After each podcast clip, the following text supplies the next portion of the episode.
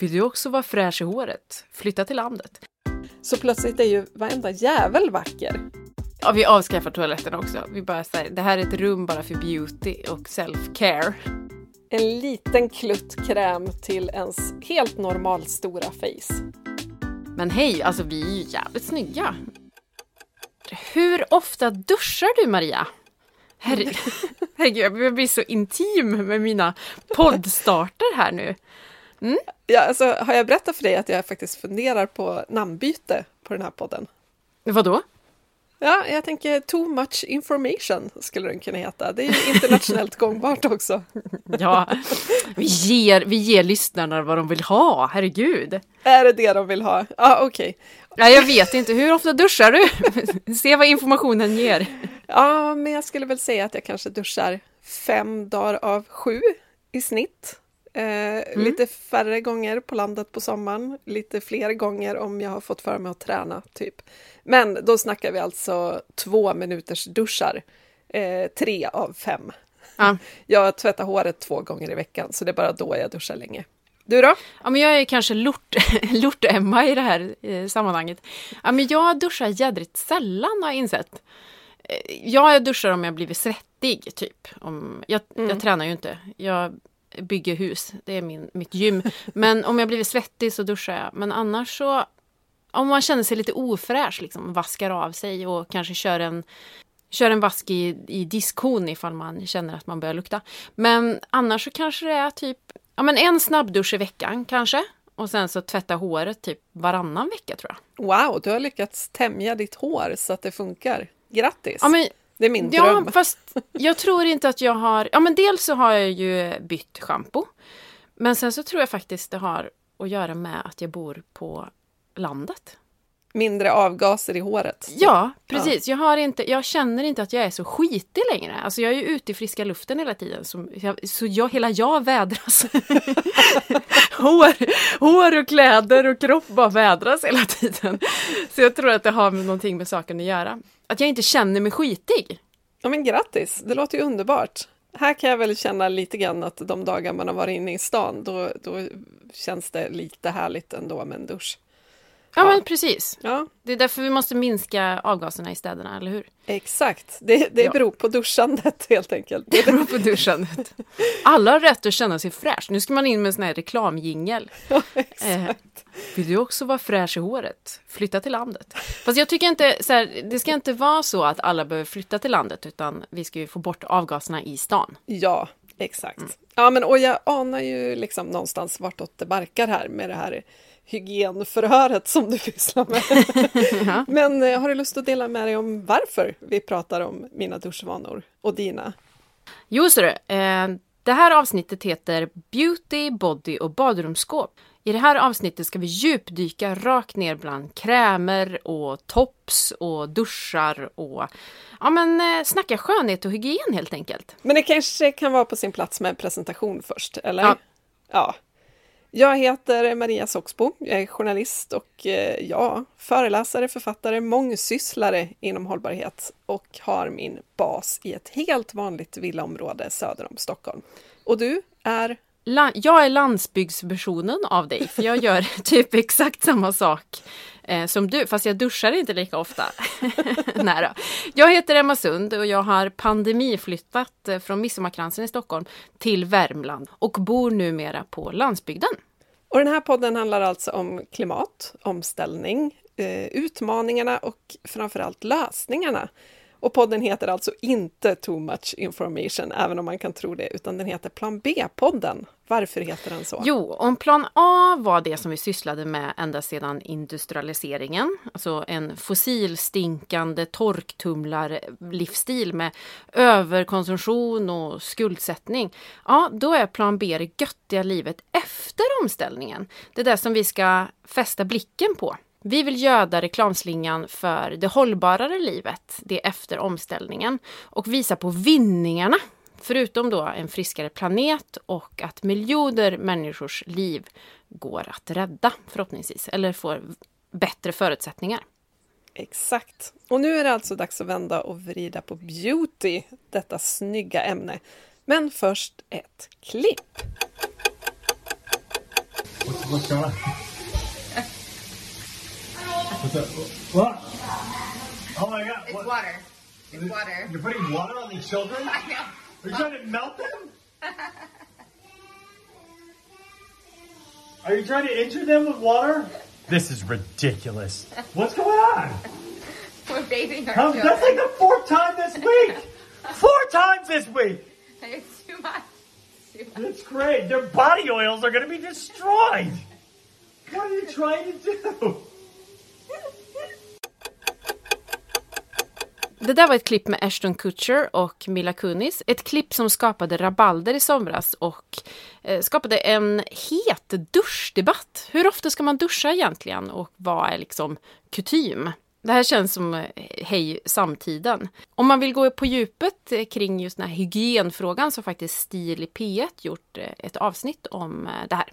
Som jag vill tipsa om. Jag tycker det är superintressant att två glamorösa Hollywood-kändisar går ut och säger att vi duschar våra barn när de är lortiga, punkt. Ja, Alltså jag tycker det är underbart på något vis. Lite normbrytande, lite så här, nagga den där perfekta ytan som liksom alltid visas upp. I love it! Ja, och så, och så blev det en debatt kring kändisar, hur ofta de duschar. Och så säger Jake Gyllenhaal duschar inte. Vad var det? The Rock duschar. Här, alla börjar dela med sig om hur ofta de duschar. Sjukt intressant. Mila har sagt så här i, i intervjuer efteråt. Så är det så här, det är, vi är i en pandemi, who cares? Ingen träffar någon så här. Varför ska vi duscha? Och det ligger väl någonting i det där. Ja, det gör det Och faktum är ju, det finns ju forskare som säger att vi duschar alldeles för ofta. Att en till två gånger i veckan max är, är liksom rimligt. Alltså nu är inte min mamma någon forskare, vad jag vet. Men det här är jag uppväxt med. Att man inte ska duscha bort kroppens naturliga oljor. Och att det är liksom befängt att smörja in sig med någonting eh, när man precis har duschat bort det som, som är typ samma sak. Jag är också lite uppväxt med det här att lite skit rensa magen typ. Alltså att vi skapar ju ett skydd mot saker genom att utsätta oss för dem, inte genom att här, tvätta bort allt hela tiden. Ja, men min, min mamma har sagt något smart gällande det här också. Om jag inte minns fel. Min mamma, vår nya guru. Ja, i alla fall. Eh, nej, men hon säger ju så här. Städa och skönhetsprodukter, man har väl bättre saker för sig. Och det liksom ligger någonting i det där som jag tänker att vi kanske ska prata lite mer om i det här avsnittet om skönhet och hygien. Bara att vi tar upp det här ämnet i podden, skönhet och klimat och omställning, så kanske någon tänker, men ska de ta ifrån oss våra snygga face också? Ska man inte få ha någonting kvar? Inte flyga, inte äta kött, inte vara snygg. Nej, fan vad kul livet blev nu då. Men vi gillar ju att vända och vrida på saker och kanske har det gått lite överstyr. Vi, vi lever ju liksom efter en norm att vi ska vara väldigt eh, rena, vi ska vara väldoftande, fräscha, vi ska hålla oss unga, vi ska, vi ska liksom stanna i någon form av perfektionsmall eh, som kanske inte är så hälsosam alla gånger. Och den drivs ju väldigt mycket av kommersiella mekanismer. Det ska man ju verkligen inte underskatta heller. Nej, någon tjänar, någon tjänar väldigt bra på det här, kan vi ju konstatera. Och som vanligt, det här med, med vad vi tycker är fräscht, det är också det kemiskt rena. Det har vi ju varit inne på när vi har pratat städprodukter till exempel. Ja. Vad, vad luktar naturligt? Jo, något kemiskt som är doftsatt cotton, typ. Precis. Och det ska vara liksom kraftfull hudvård som är liksom framtagen på laboratorium. Det ska vara så nära ett läkemedel det bara går, för då, då är det liksom effektivt. Hudvård har ju blivit vår tids religion, det som vi lägger tid på och det som vi tror på. Tillber. Ja, lägga en ansiktsmask, alltså det är liksom en del av våran eh, vardagsrutin. Ja, men du, ska vi börja från början eller? Vad är din relation till skönhet och skönhetsprodukter? Eh, ja, men ganska mycket ångest och liksom frustration. Jag har inte haft den där smootha huden i reklamfilmerna, utan det har varit en helt annan verklighet kan man ju lugnt säga. Så att jag har testat asmycket produkter, alltså dyrt och billigt och liksom, ja men, testat loss och liksom aldrig hittat rätt, skulle jag säga. Förrän nu, tror jag. När du inte duschar alls, Eh, typ. Nej, när jag inte duschar all, alls och liksom går på... Ja, men, nu använder jag liksom en ringblomssalva. Och så tänker man så här, den här är inte gjord med tusen miljoners aktiva syror, utan den här är liksom väldigt basic.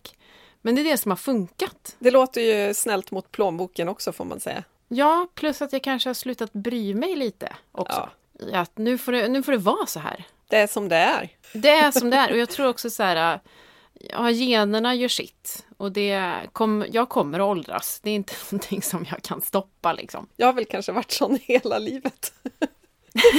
Nej, men, jag är liksom uppväxt så här med en mamma som verkligen inte har brytt sig heller. Alltså vi hade Mm. så här schampo och balsam från mat, närmaste matbutik, alltså en basic märke. Eh, på sin höjd kanske en duschtvål med ett fräsig doft. eh, och så här, typ Nivea. Alltså väldigt, väldigt så här basic. Blev man torr så smörjde man in sig. Eh, så att noll lyx och flärd i min uppväxt när, på den fronten. Och det har varit ganska bra, tror jag. För att då har det inte heller varit någonting som jag fått med mig att man måste ha. Utan så här, det är klart jag började utforska det när jag blev tonåring och såg vad kompisarna använde och började laborera lite med smink och sådär. Eh, men jag har liksom inte med mig att man måste ha en 16-stegs rutin för att se ut som folk.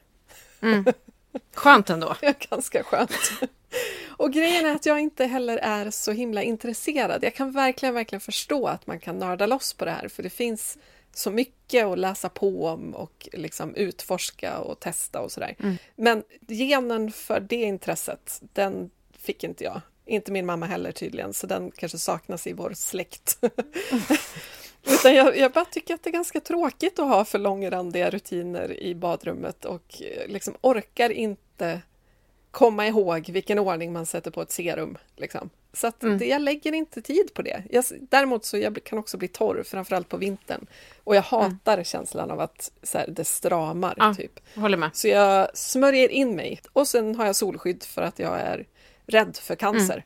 Och så lite smink för att känna mig som folk. Typ. Mm, jag håller med dig. Jag tycker också att det är så befriande att någon säger det. För det man hör är ju oftast allting man borde göra. Ja, Eh, för att liksom inte liksom se se ut som förfallet personifierat. Liksom. Ja, men jag saknar också intresse, totalt ointresserad. Och eh, har inte tålamodet. Alltså det finns mycket annat jag måste göra, känner jag. ja men lite så. som, som, jag värderar, som jag värderar högre. Och med det inte sagt att det jag lägger tid på är mer värt Nej, nej, nej. än skönhet eller hudvård eller liksom self-care, typ.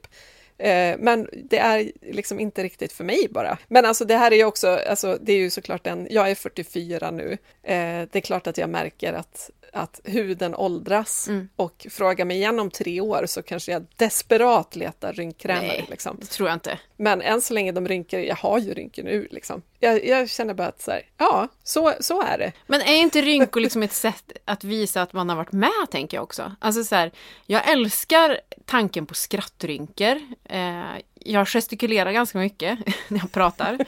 Så det syns ju liksom. Jag har en väl tilltagen bekymmersrynka. Det betyder att jag har funderat mycket, Ja, exakt. tänker jag. Jag tycker det finns något fint i att visa att man har varit med. Man har varit engagerad, man har skrattat, man har haft kul, man, man har ja, men, funderat och varit bekymrad. Man har liksom, ja men det är mycket som syns. Och det som jag tror så här förfallet, den sker ju inte över en natt. Ja, men och jag tänker också att det som forskningen faktiskt är enig om påverkar huden negativt är sol och rökning. Mm. Alltså röker jag inte och jag smörjer in mig med solskydd. Mm. Tada! Köp Maria Men- Soxbo men- på burk. Ja, exakt. All visdom du behöver. Alltså det är ganska roligt att vi ska ha någon slags beautypodd här eh, med två personer som börjar med att säga vi är inte intresserade av det här. Men jag, Men- jag kan säga en sak som jag är väldigt intresserad av när det gäller Ja. skönhet och hygien. Det är ju att hitta shortcutsen i att så här, hur kan jag eh, spara pengar, spara på klimat och miljö, få, eh, få en fräschhet men liksom inte gynna storföretagen. Lite där. Och det är ju en sport. Ja, exakt. Det är verkligen en sport. Och, och så känner jag lite grann, eh, apropå det här med bekymmersrynka också, att så här, ja, men det viktigaste framöver, se till att skratta mycket så man väger upp bekymmersrynkan med skrattrynkor. Ja, precis. Det är typ min, Exakt. så här, det är min, min målbild, är att jag ska ha jävligt roligt framöver så att jag får rynkor som balanserar upp den där zoom-rynkan i nyllet. Ja. Vi kan jobba på det tillsammans, du och jag. Eller hur? Men jag, till skillnad från dig, så har jag inte liksom haft problem med hy i tonåren. Jag har haft turen att ha ganska bra hy. Så att jag förstår ju verkligen att om man liksom är uppväxt med, med risig hy och måste kämpa hela tiden med den, då fattar jag ju att man gör som du gjorde och utforskar det dyrt och billigt och försöker ta alla råd man kan få och sådär. Särskilt i tonåren när man också är väldigt känslig för vad folk tycker om en liksom, Ja. och jobba på sin självbild och sådär. Så att jag, jag gled väl igenom det där lite grann för att jag har aldrig haft jätteproblem. Eh, så tack generna för det. Lyllo dig. I tonåren så kände man ju sig som en reklamskylt med ett stort utropstecken på. Att det var ju så här, kändes som att alla, alla blickar drogs till en. Och sen så, alltså man var inte den där personen med den perfekta hy, hyn. Precis, och vi är ju ändå så gamla så att vi inte hade sociala medier i tonåren. Ja, fy fan. Tack gode gud för det. Herregud. Med filters. Alltså, ja, vi kommer in på det sen. Ja. Ja, eh, men jag tänker lite på det här med den sporten som vi pratade om. Vi går igång och vi är sjukt intresserade av att hitta de här shortcutsen. Vad har du hittat för shortcuts? Eh, ja, men min shortcut är nog schampotvål. Dels är den sjukt dryg och det är ju bara det är en produkt liksom. Det är ingen plast, det är inget vatten, det är bara en, en tvål som jag gnuggar håret med. Från början hade jag också en balsamtvål. Nu tycker jag typ inte den behövs. Jag har fått leta mig fram lite tills jag hittade en schampotvål som passade mig. Och då har jag märkt att jag faktiskt inte behöver balsam på samma sätt. Jag har en balsamspray som jag sprayar i ibland bara för att om det känns trassligare än vanligt. Men annars är det typ den. Och grejen är ju att en schampotvål kan man också använda på kroppen. Så tjena, en produkt. Alltså, tjena en produkt, fan vad bra. Det tog också lång tid för mig att hitta rätt schampotvål och jag fattade liksom inte grejen. Jag bara, fan varför funkar det inte på mig? Vad har jag för konstigt hår? Men nu har jag hittat rätt och har också en balsamspray. Ja, Och som sagt, den, det felköpen, de använder man ju som tvål, så det är ju asbra. Ja, alltså mitt shortcut är ju den här äh, krämen också. Den som jag kan använda på allt. Den är ju eh, fantastisk. Ringblomssalva. Fick tips av läsare om att eh, gå loss på den. Tack! Eh, men sen så en, en shortcut är ju det här med bikarbonat som deodorant. ah, det har inte jag testat. Hur gör du? Jag tar lite, det fin- alltså man kan köpa bikarbonat i storpack. Man gillar ju storpack. Det tar liksom aldrig slut. Så tar man lite bikarbonat i handen. Så tar man någon droppe ljummet vatten, gnuggar och tar som deo. Under, och sen så sköljer man händerna. Klart! Dels så duckar jag företagen, men också så slipper jag alla de här plastrollons produkttjofräsarna. Eller det ska tilläggas att vägen från eh, till bikarbonat var inte helt enkelt. För att eh, det tog några veckor innan så här, kroppen stabiliserar sig. Precis som man gör med schampotvål. Eh, för schampo innehåller ju massa silikoner, alltså köpeschampo.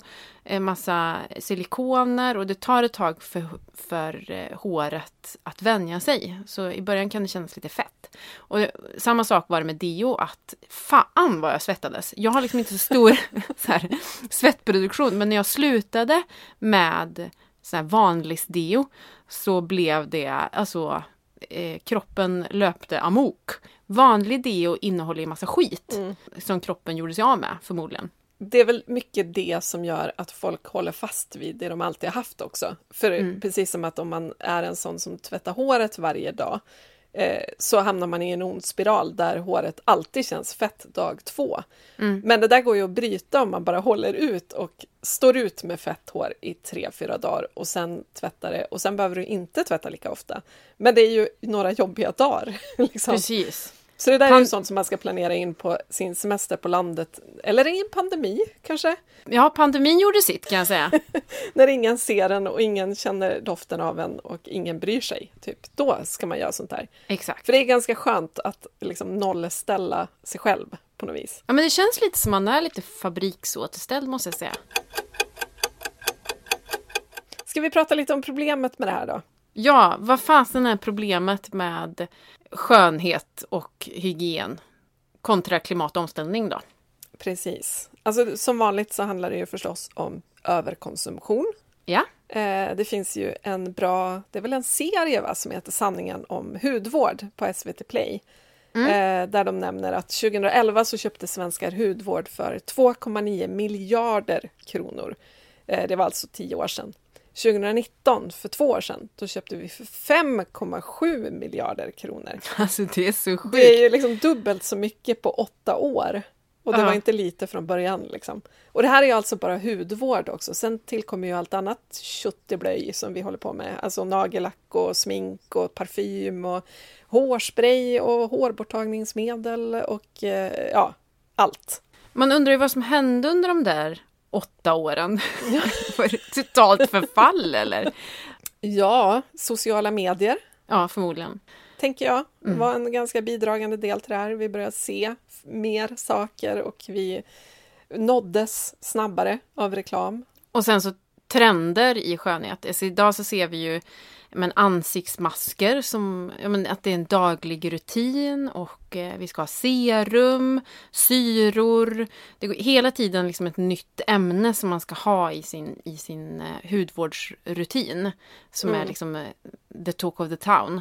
Jag kan ju erkänna att så här, äh, jag är inte intresserad, så det där, alltså jag är ju hyfsat immun mot bla bla bla, nu måste du ha retinol. Mm. Men samtidigt så känner jag så här, fast alla pratar om det, borde jag, Mm. alla jämnåriga känns det som, har värsta rutinen för att Mm. mota ålders-Olle i grind liksom. Man vill inte vara den där sista rynkisen på festen liksom. Alltså den som bara oj, men gud har inte du kommit till fel fest? Det här är en 40-årsfest. 70-årsfesterna är liksom tre gator ner. Alltså så här, man vill inte vara den personen. Och då kan väl vi bara kroka arm och säga så här, ja men då är vi två i alla fall. Ja, och jag, jag får ju någonstans tacka mitt, mitt ointresse för att jag så här, tänker, jag borde nog, och sen tänker jag, men orka. Ja. Skönt. Och plus att jag är lite för snål. Mm. Jag tycker det finns roligare saker att göra för pengar än att smörja in sig med dem. Liksom. Ja. När jag var i Stockholm i förra veckan så satt jag på tunnelbanan och hörde två pretty unga tjejer snacka om att de eh, var tvungna att jobba övertid på sitt jobb för att de skulle ha råd med fillers den här månaden. Aj, aj, Ja. mitt hjärta. Ja, det var fan, gjorde fan ont i hjärtat. Och jag kan ta det här OB-passet för då kan jag ha råd med att göra fillers här och här och här. Och att det är liksom vad man använder pengarna till idag. Eh, och det är så jävla hjärtskärande. Exakt. Vi går in på det här med pengar lite senare, men vi ska liksom koppla åter till det här överkonsumtionen. För 2018 kom en rapport som visade att vi, alltså svenskar, låg i topp i Europa på att eh, konsumera hudvård. Vi, vi är bäst på det. en tanke som vi kanske ska liksom simma runt lite i är väl hur fräscht det känns att här, konsumera krämer och läppstift mitt i en brinnande klimatkris. Alltså överkonsumera ska tilläggas. Alltså vi köper mest i Europa. Mm. Det, det är inte en topplista vi behöver toppa. Nej, alltså vi kommer i alla fall vara väldigt snygga när havsnivån höjs och när stormen kommer. Ja, men är, eh, är framtidens smink extra tåligt för extremväder eller? Ja. Här, Extrem torka och hetta och översvämningar och sån här superregn. Sminket bara sitter som det ska. Ja, för fan vad det sitter. Alltså så här, glöm så här, kyssvänliga läppar. Den här, det här läppstiftet håller när havsnivån Ja, ökar. precis. Det här är orkansäkra läppar. Organsäkra läppar, för fan. Åh gud, ja vi skrattar men alltså herregud, vi, ja, det här är ju människors verklighet. Kanske inte att sminka sig i en klimatkris men att, att stå pall klimatkrisens effekter. Och sen så meanwhile in Sweden. Nu ska vi gå in på ytterligare ett problem. Och nu vill jag att ni lyssnar noga för det här är viktigt och något som du kan påverka väldigt direkt. I produkter som vi använder direkt på huden så finns det en hel massa jäkla skit rent ut sagt. Okej, jag vet inte riktigt hur man uttalar det här men PFAS eller PFAS PFAS för att vara supertydlig är 4700 ämnen som människan har skapat och som i princip aldrig bryts ner i naturen. PFAS, eller PFAS, eh, är högfluorerande ämnen som finns i ansiktskrämer, ansiktsmasker, eyeliners, foundation, highlighters, hårolja, raklödder, mascara, puder, serum, tandpetare, ögonpennor, ögonskuggor. Det är med överallt. De här ämnena har eh, hittats i flera populära märken på den svenska marknaden. Det finns också en mängd okända PFAS eller PFAS-ämnen som inte står listade på innehållsförteckningen. Så att det är ganska svårt att liksom hitta dem. Det här är ganska sjukt. Ja. Bara, bara att vi gör en massa ämnen som inte går att förstöra Ja, och sen häller de i allt. Mm, och jag, ska, jag ska berätta också vad problemet med de här ämnena är. För det första så är ju de flesta PFAS eller PFAS-ämnen fortfarande otestade. Vi vet helt enkelt inte hur de påverkar oss och det känns ju lite sådär. Eh, vad vi vet är att vissa ämnen är cancerframkallande. De är hormonstörande och kan orsaka leverskador. Det kan också vara så att de här ämnena påverkar reproduktionsförmågan, alltså vår förmåga att få barn. Och eh, kan också påverka immunsystemet. Och den här skiten eh, har vi på vår hud och sen så spolar vi ut det i vattnet, vilket påverkar andra arter och vår natur. Och vi människor behöver ju intakta ekosystem för att överleva. Så att vi liksom, eh, vi fuckar upp big time. Och det här är ju såklart, spolar vi ut det i vattnet, då hamnar det ju i vårt eget dricksvatten förr eller senare. Ja, stora delar av vårt grund och dricksvatten är förorenat med de här skitämnena. Eh, så att, och det här är ju intressant. Alltså även om du undviker ämnena själv, alltså undviker att köpa skönhetsprodukter eller rakludder, så får du i dig de här skitämnena eh, genom dricksvatten och via maten du äter. Det är av största vikt att vi pratar om det här och försöker stoppa just PFAS eller FAS. Och vi pratar ju ofta om det här att man ska ta sitt engagemang utanför de egna fyra väggarna. Alltså konsumentmakten är ju att liksom vägra köpa saker som innehåller det här. För då visar man att det här är inte sånt som borde finnas på marknaden. Men vi måste ju liksom ta engagemanget längre än så eftersom det här påverkar alla, inklusive bebisar. Liksom. Och då är ju Naturskyddsföreningen så, som vanligt grymma. De driver en kampanj som heter Stoppa PFAS, där man kan skriva under en namninsamling för att stoppa den här skiten. Eh, Den finns på deras hemsida. Gör det! Det här är ju på något sätt både så typiskt både människan och samtiden att vi, vi skapar ett ämne. Eller 4700 ämnen. Ja precis, 4700 ämnen. alltså varför, varför nöja sig med ett? Hallå? Eh, vi skapar ett ämne som vi dör av eftersom det är cancerframkallande och som gör att vi inte kan få barn. Men hej, alltså vi är ju jävligt snygga. Så att, why care? Alltså. Supermiljöbloggen har skrivit eh, för ett år sedan ungefär om skönhetsprodukter som har... Att, att det har varit en så internationell granskning av skönhetsprodukter. Och då visade det sig att nära tre av fyra innehöll ämnen som kan störa kroppens hormoner, påverka fortplantningen och ge livslång allergi. Alltså den stora majoriteten av skönhetsprodukter som man testade innehöll någonting som inte är bra för oss. Alltså det är så sjukt. Det är så sjukt. Och jag tror att vi har en sån tilltro till att saker och ting testas innan det kommer ut på marknaden. Och att man, alltså så här, det här apotekstänket typ. Särskilt nu när, när så otroligt mycket hudvård framförallt liksom marknadsförs som att det nästan är medicinskt. Exakt. Är inte det de här supermodellernas fel ändå? alltså alla de här... Gud, nu vevar jag vilt här. Åh gud, jag kommer ångra mig. Jag vet inte hur många reportage jag har läst om supermodellerna som köper sina, eh, sin hudvårdsrutin på franska apotek. Ja, just det, just det. Och så går man in, och så går man in på ett franskt apotek och bara "V- Var? Va, va, vad? Man fattar ingenting. Men det är ju det liksom, det har ju ändå satt igång någon trend, tänker jag. Men det säger ju någonting också att sminkprodukter generellt i många kommuner i Sverige räknas som farligt avfall. Precis. Alltså det ska sorteras på miljöstationen på OVC. Det ska inte hällas ut i avloppet. Det ska helst inte hamna i brännbart och så vidare. Eh, och det här smörjer vi in oss med. och sköljer av Och sköljer av. ner i avloppet. Nå- någonting som liksom är i linje med den tesen, det är ju det här med cocktaileffekten. Och det har vi gått in på tidigare. Just i att vi får i oss, eh, eller smörjer oss med kemikalier eh, som kan vara skadliga eh, på ett eller annat sätt. Men man pratar, in, man pratar liksom inte om hur olika kemikalier samverkar, alltså den här cocktailen av olika ingredienser. Hur det påverkar oss. Och din cocktaileffekt är ju inte samma som min eftersom jag utsätts för Alltså alla cocktaileffekter är ju personliga. Och det här är ju någonting som vi har pratat om i våra två ekoavsnitt till exempel när det gäller mat, alltså besprutningsmedel på olika grödor. Och så kommer vi ju in på det här eko då. Det, då är det väl lugnt? Eller?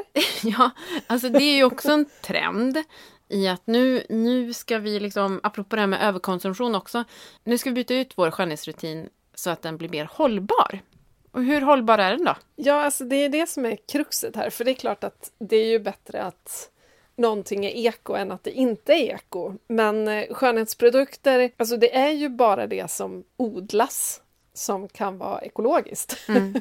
och hur mycket är det i din hudkräm som har odlats någonstans? Ja, men det kanske är 0,5 procent ekologiskt havreextrakt. Mm. Eh, så att, och det finns liksom inget krav. Alltså man, man får kalla en produkt för ekologisk om det som har odlats är ekologiskt. Vattnet i en skönhetsprodukt är ju till exempel inte ekologiskt. Det är ju inte farligt heller, men jag menar bara det är så man vet att allt i burken är inte ekologiskt, för kanske 80 procent av det är ändå vatten. Jag tror ändå att många tänker att när man köper en ekologisk produkt så är det typ ja, men 100% ringblomma. Liksom. Ja. Alltså att man, men jag, tänker, jag tänker att man tror att det är liksom naturliga produkter. Eller laboratoriskt ekologiskt framställt.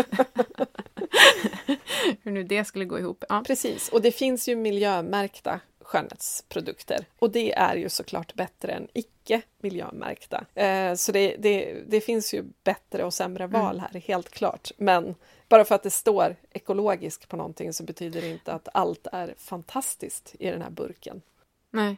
Alltså, jag tror också så här, bra att inflika i att varumärkenas egna märkningar det är ju kanske inte någonting man ska gå på. Nej. Eh, utan från, från tredje part som har gått igenom vad eh, produkten innehåller. Får jag bara inflika en grej kring eh, cocktaileffekten? Ja, Det finns gränsvärden som, som man måste hålla sig under gällande vissa ämnen. Men man pratar eh, då sällan om cocktaileffekten. För jag menar, om jag använder två hudkrämer varav eh, den ena har, är precis under gränsvärdet och den andra är också under gränsvärdet. Hur samverkar de i min kropp? Eller hur, hur blir liksom cocktailen i min kropp efter att ha använt massa olika produkter? och kanske lite medicin, lite besprutad mat. Alltså, Ja, allas, allas cocktail är olika liksom. Mm. Ska vi snacka mikroplaster då? För det Ja, men gud, vad ett, roligt. Ett, eh, hett debatterat ämne.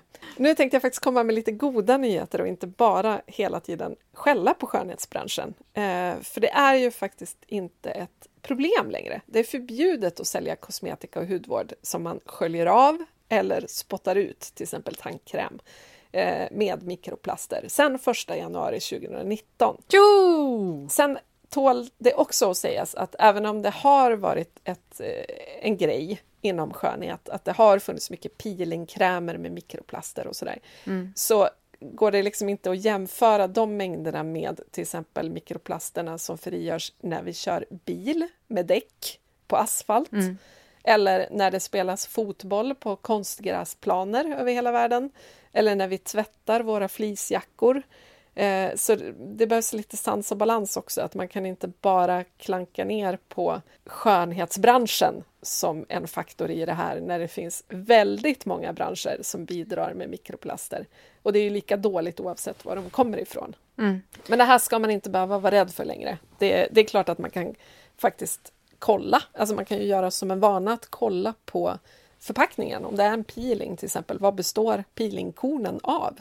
Mm, precis. För mikroplaster, det är ju, de är ju som det låter eh, små plastbitar som vi spolar ut i våra avlopp då eller eh, som frigörs på olika sätt och hamnar till slut ute i haven och i fisken vi äter kanske. Eh, men framförallt så består våra hav till må- många, många procent plast nowadays. Och även vi, alltså man har ju hittat mikroplaster i Ja. typ livmodern på en kvinna. Och sådär. Alltså det är så jävla vidrigt. Det är så vidrigt. Verkligen. Alltså om vi fortsätter i den här takten så kanske vi kommer bli som små Barbie-dockor som är liksom gjorda av plast. Och men då åldras vi aldrig. Är det inte det som är målet ändå? Ja, vi har hittat det. Jättejobbigt bara att vi inte kan hålla balansen eftersom fötterna är så oerhört mycket mindre än huvudet. Men ah, ja. Ja!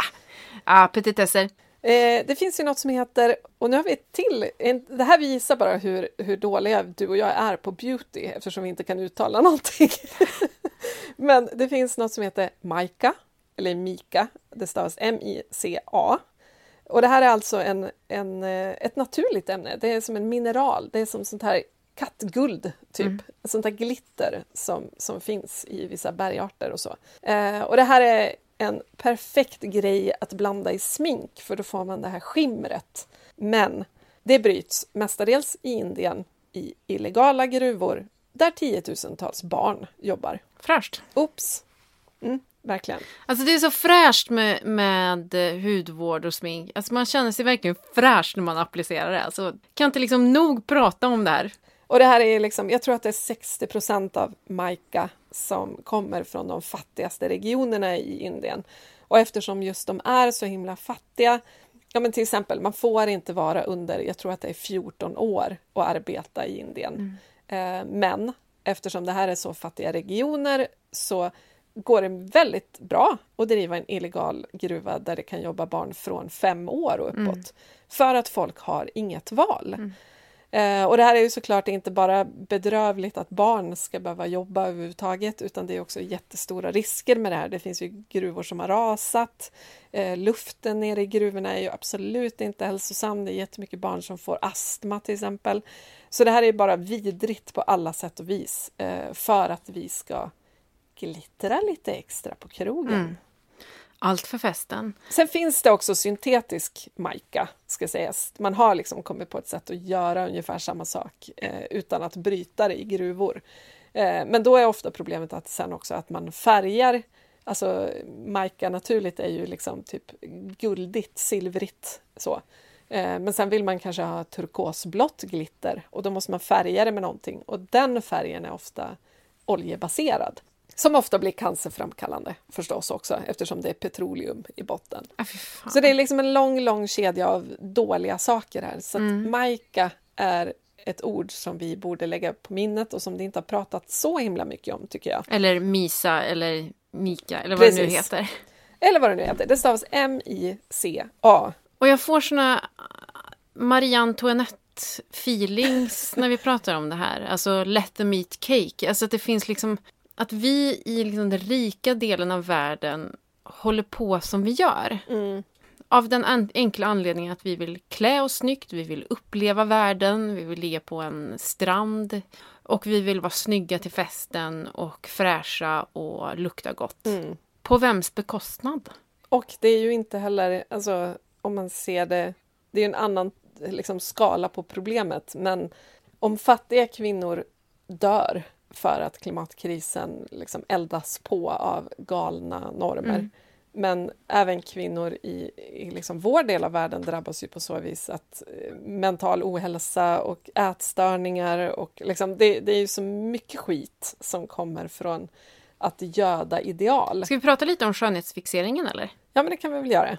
För den är ju fucked up. Ja. Alltså dels, vi lever i en photoshoppad värld där vi använder oss av filters i, på Instagram och i Snapchat eh, där vi liksom är, eh, blir en snyggare version av oss själva med slätare hy eh, och färdigmakead look.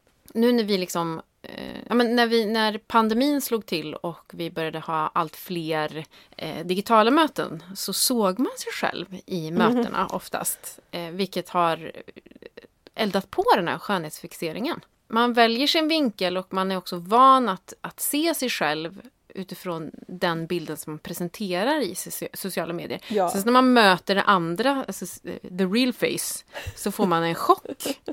Alltså, men även om den är osminkad eller liksom för att man är, alltså normen har, normen är att du ser ut som du gör på sociala medier. Det är så du ser dig själv. De här skönhetsidealen i samhället som vi får presenterade för oss, de har ju såklart alltid varit vackrare än genomsnittet om man säger så. Alltså modeller mm. är väldigt vackra naturligt också. Och sen så har det varit ett lager proffsapplicerat smink på och sen har det varit en skicklig fotograf som har ljus, ljussatt på rätt sätt. Och så med tiden har vi lagt på ett lager Photoshop. Och mm. sen kom liksom Instagram så att även liksom, gemene man som inte har en makeupartist och inte ett modellface och sådär. Men nu kan vi lägga på filter. Så plötsligt mm. är ju varenda jävel vacker. eh, som vi ser i sociala medier. Alltså det är klart att vi får lite ångest, tänker jag. Ja, verkligen. Och det, det spelar ju verkligen hela skönhetsbranschen i händerna. Alla företag som bara öser ut produkter, typ det här är vad du behöver för att leva upp till selfie-facet. Precis, tjäna pengar på vårt sug efter något bättre, något vackrare, något mer effektivt och kraftfullt som kan ta, ta tag i det här äh, facet som liksom inte... Raset. Ja, raset, förfallet. Ska kräva, precis som att vi liksom drar ut våra kök och kör någon liksom så här äh, storrenovering så vill vi göra det med våra kroppar och face också. Eh, ytterligare ett problem är ju det här med engångsprodukter, alltså typ tops, bomullspads, bindor, ansiktssheets, vad kan vi mer komma på? Just det där som har, de där produkterna som har ett eh, väldigt, väldigt kort liv. Och som det faktiskt finns alternativ till, eller många av dem i alla fall. Precis, och apropå engångsprodukter så har ju vi slagit våra flergångspåsar Mm. ihop med en aktör som verkligen försöker putta oss bort från engångssopberget, eller hur? Ja.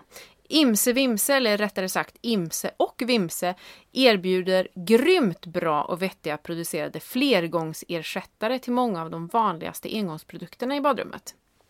Och jag har faktiskt ringt upp Jessica Laneborg på Imse och Vimse för att höra mer kring det här. Vill du höra? Ja! Hej Jessica! Hej! Kan inte du berätta vad Imse Vimse egentligen är? För jag tänker ju spontant tygblöjor, men ni är ju mer än så, eller hur? Ja, men precis. Och först vill jag bara säga att vi är så himla glada att få vara med just i det här avsnittet, för att det är precis det vi är. Vi är ju hållbara badrumsskåpet. Men precis som du säger så eh, Imse Vimse kanske är mest känt från början som eh, tyg för tygblöjor och det var ju så det började Eh, en gång i tiden för 30 år sedan här på Gotland. Eh, vår grundare som hade ett barn som hade blöjeksem och började intressera sig för tygblöjor och det var grunden till hela Imse Vimse. Men de senaste åren så har ju faktiskt vårt mensskyddsalternativ, hela den kategorin har ju faktiskt varit den som har varit mest eh, populär hos våra kunder.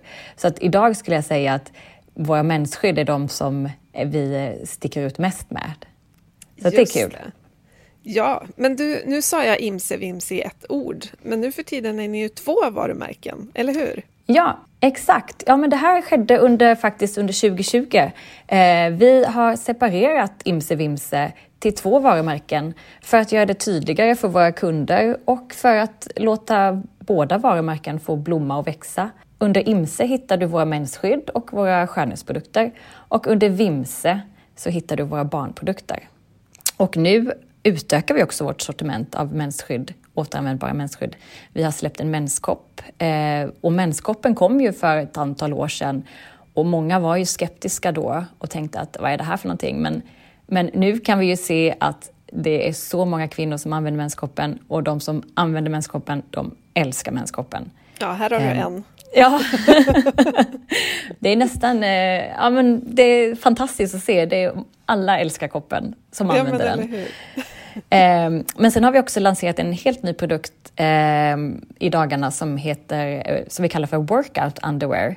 Och det är en skön trosa i hipstermodell med inbyggt trosskydd som har läckageskydd. Eh, och vi är ju många kvinnor som av olika anledningar kanske behöver lite extra eh, skydd under träning. Så att eh, vårt sortiment av flergångsskydd det blir bredare och vår förhoppning är att fler engångsanvändare ska hitta ett flergångsalternativ som passar dem. Men hur stor skillnad gör det egentligen ur liksom, hållbarhetssynpunkt att gå från engångs till flergångs i badrummet? Ja, börjar man räkna så blir det en ganska stor summa. Eh, vi har ju räknat på att under en livsperiod av menstruerande, eh, som kanske är 35 till 40 år, så använder man i snitt ungefär 14 000 engångsartiklar. Åh, herregud. Och det, det, det är en summa som är ganska svår att ta in faktiskt. Och dessa har ju dessutom ofta ett litet plasthölje för varje liksom, enskild produkt och sen förpackning och frakt och tillverkning. Eh, och har man barn i engångsblöjor så då vet nog de flesta att de går kanske ut med minst en soppåse tung soppåse om dagen. Så att det, det krävs ju ganska avancerade och komplexa undersökningar för att komma till rätta med exakt hur stor skillnad det gör. Men man behöver ju trots allt oändligt färre eh, flergångsprodukter om man väljer det framför engångs. Ehm, och textilen kan återvinnas. Eh, menskoppen till exempel, den kan man använda i ungefär tio år. Så att jag har inte de exakta svaren men eh, det krävs ju fortfarande ganska mycket forskning där. Eh, men som exempel så kan du under tio års menstruerande använda 24 bindor, brukar vi säga är liksom ett generellt så för att man ska klara sig med tvätt och sånt under varje mensperiod. Eller en menskopp. Eller 3 500 engångsprodukter. Ja, ja, det är ju lite skillnad mm. där. Det, det är ju lite skillnad. Men du, om man då liksom inte riktigt har koll på alla beräkningar kring det här så kan det ju kännas som slöseri med vatten istället. Att hålla på att tvätta mensskydd eh, eller sminkborttagningsrondeller. Och sen så går det ju såklart åt vatten för att odla bomullen, för att göra de här produkterna och så vidare. Är det en tankevurpa att hålla kvar vid engångs för att spara vatten?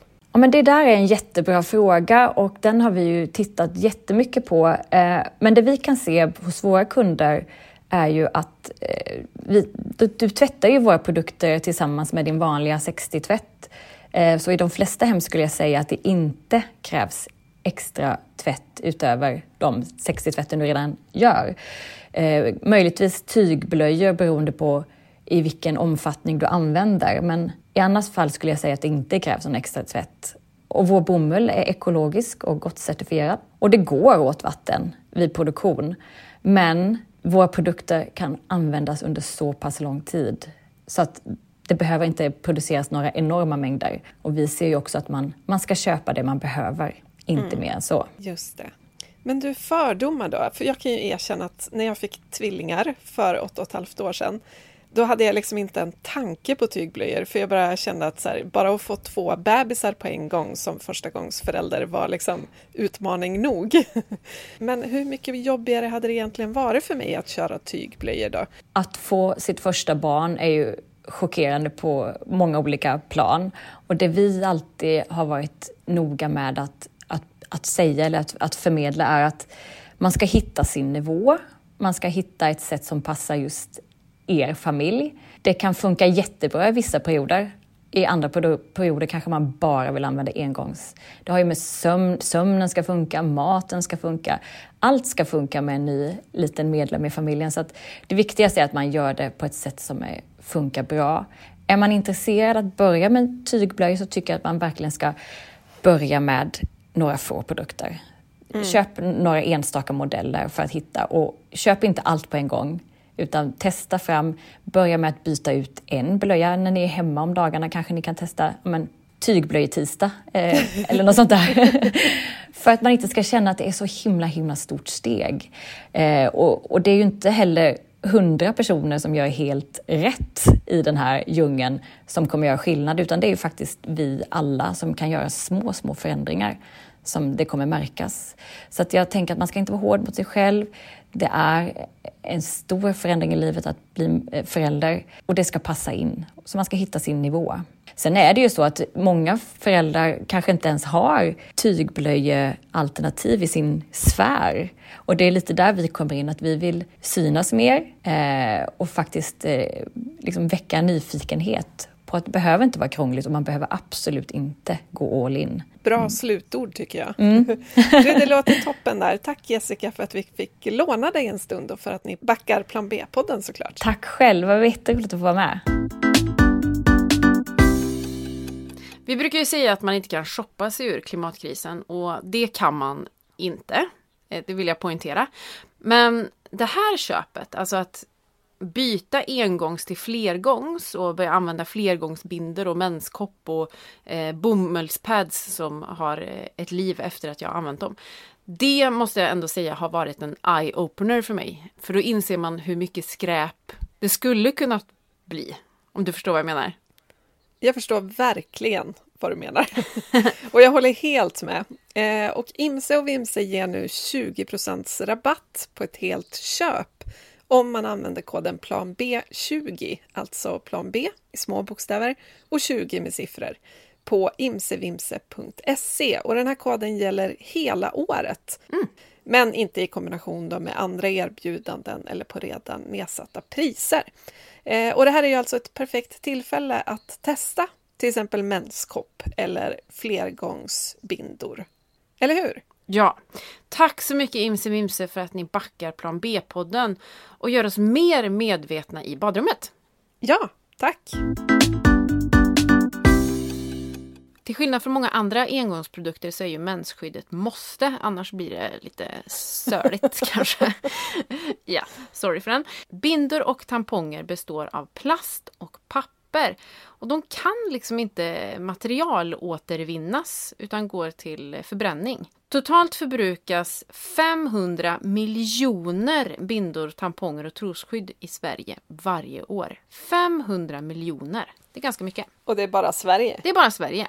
Genom att byta ut de här engångsvarianterna till flergångs så sparar man inte bara utsläpp utan faktiskt upp mot en tusenlapp per år. Det är ganska mycket pengar. Inte kattskit. Nej, tusen spänn är ju ändå tusen spänn. Plus, man sparar ju också den här tiden det tar att eh, köpa Ja. det man behöver, se till att det finns hemma och alltså även spara in på den här paniken. Som jag boende på landsbygden kanske även eh, förhindrar den här panikbilresan till affären. Precis. När man inte har tänkt eller planerat. Vi ska prata om förpackningar också. För de har ju en ganska stor roll i skönhetsbranschen. Enligt intresseorganisationen Zero Waste produceras mer än 120 miljarder förpackningar för skönhetsprodukter varje år. Och det här är ju intressant också med tanke på att vi eh, dels köper produkterna ganska mycket baserat på förpackningar. Gärna gå i rätt ton så att de matchar i badrumsskåpet. Exakt. Alltså nutidsmänniskan alltså. Inklusive jag själv ska jag tillägga. Alltså det finns ju flera problem med det här. Dels kanske vi vill köpa bättre produkter, alltså som, som inte innehåller massa miljögifter och skit. Och då kanske vi går på en förpackning som känns lite mer hållbar.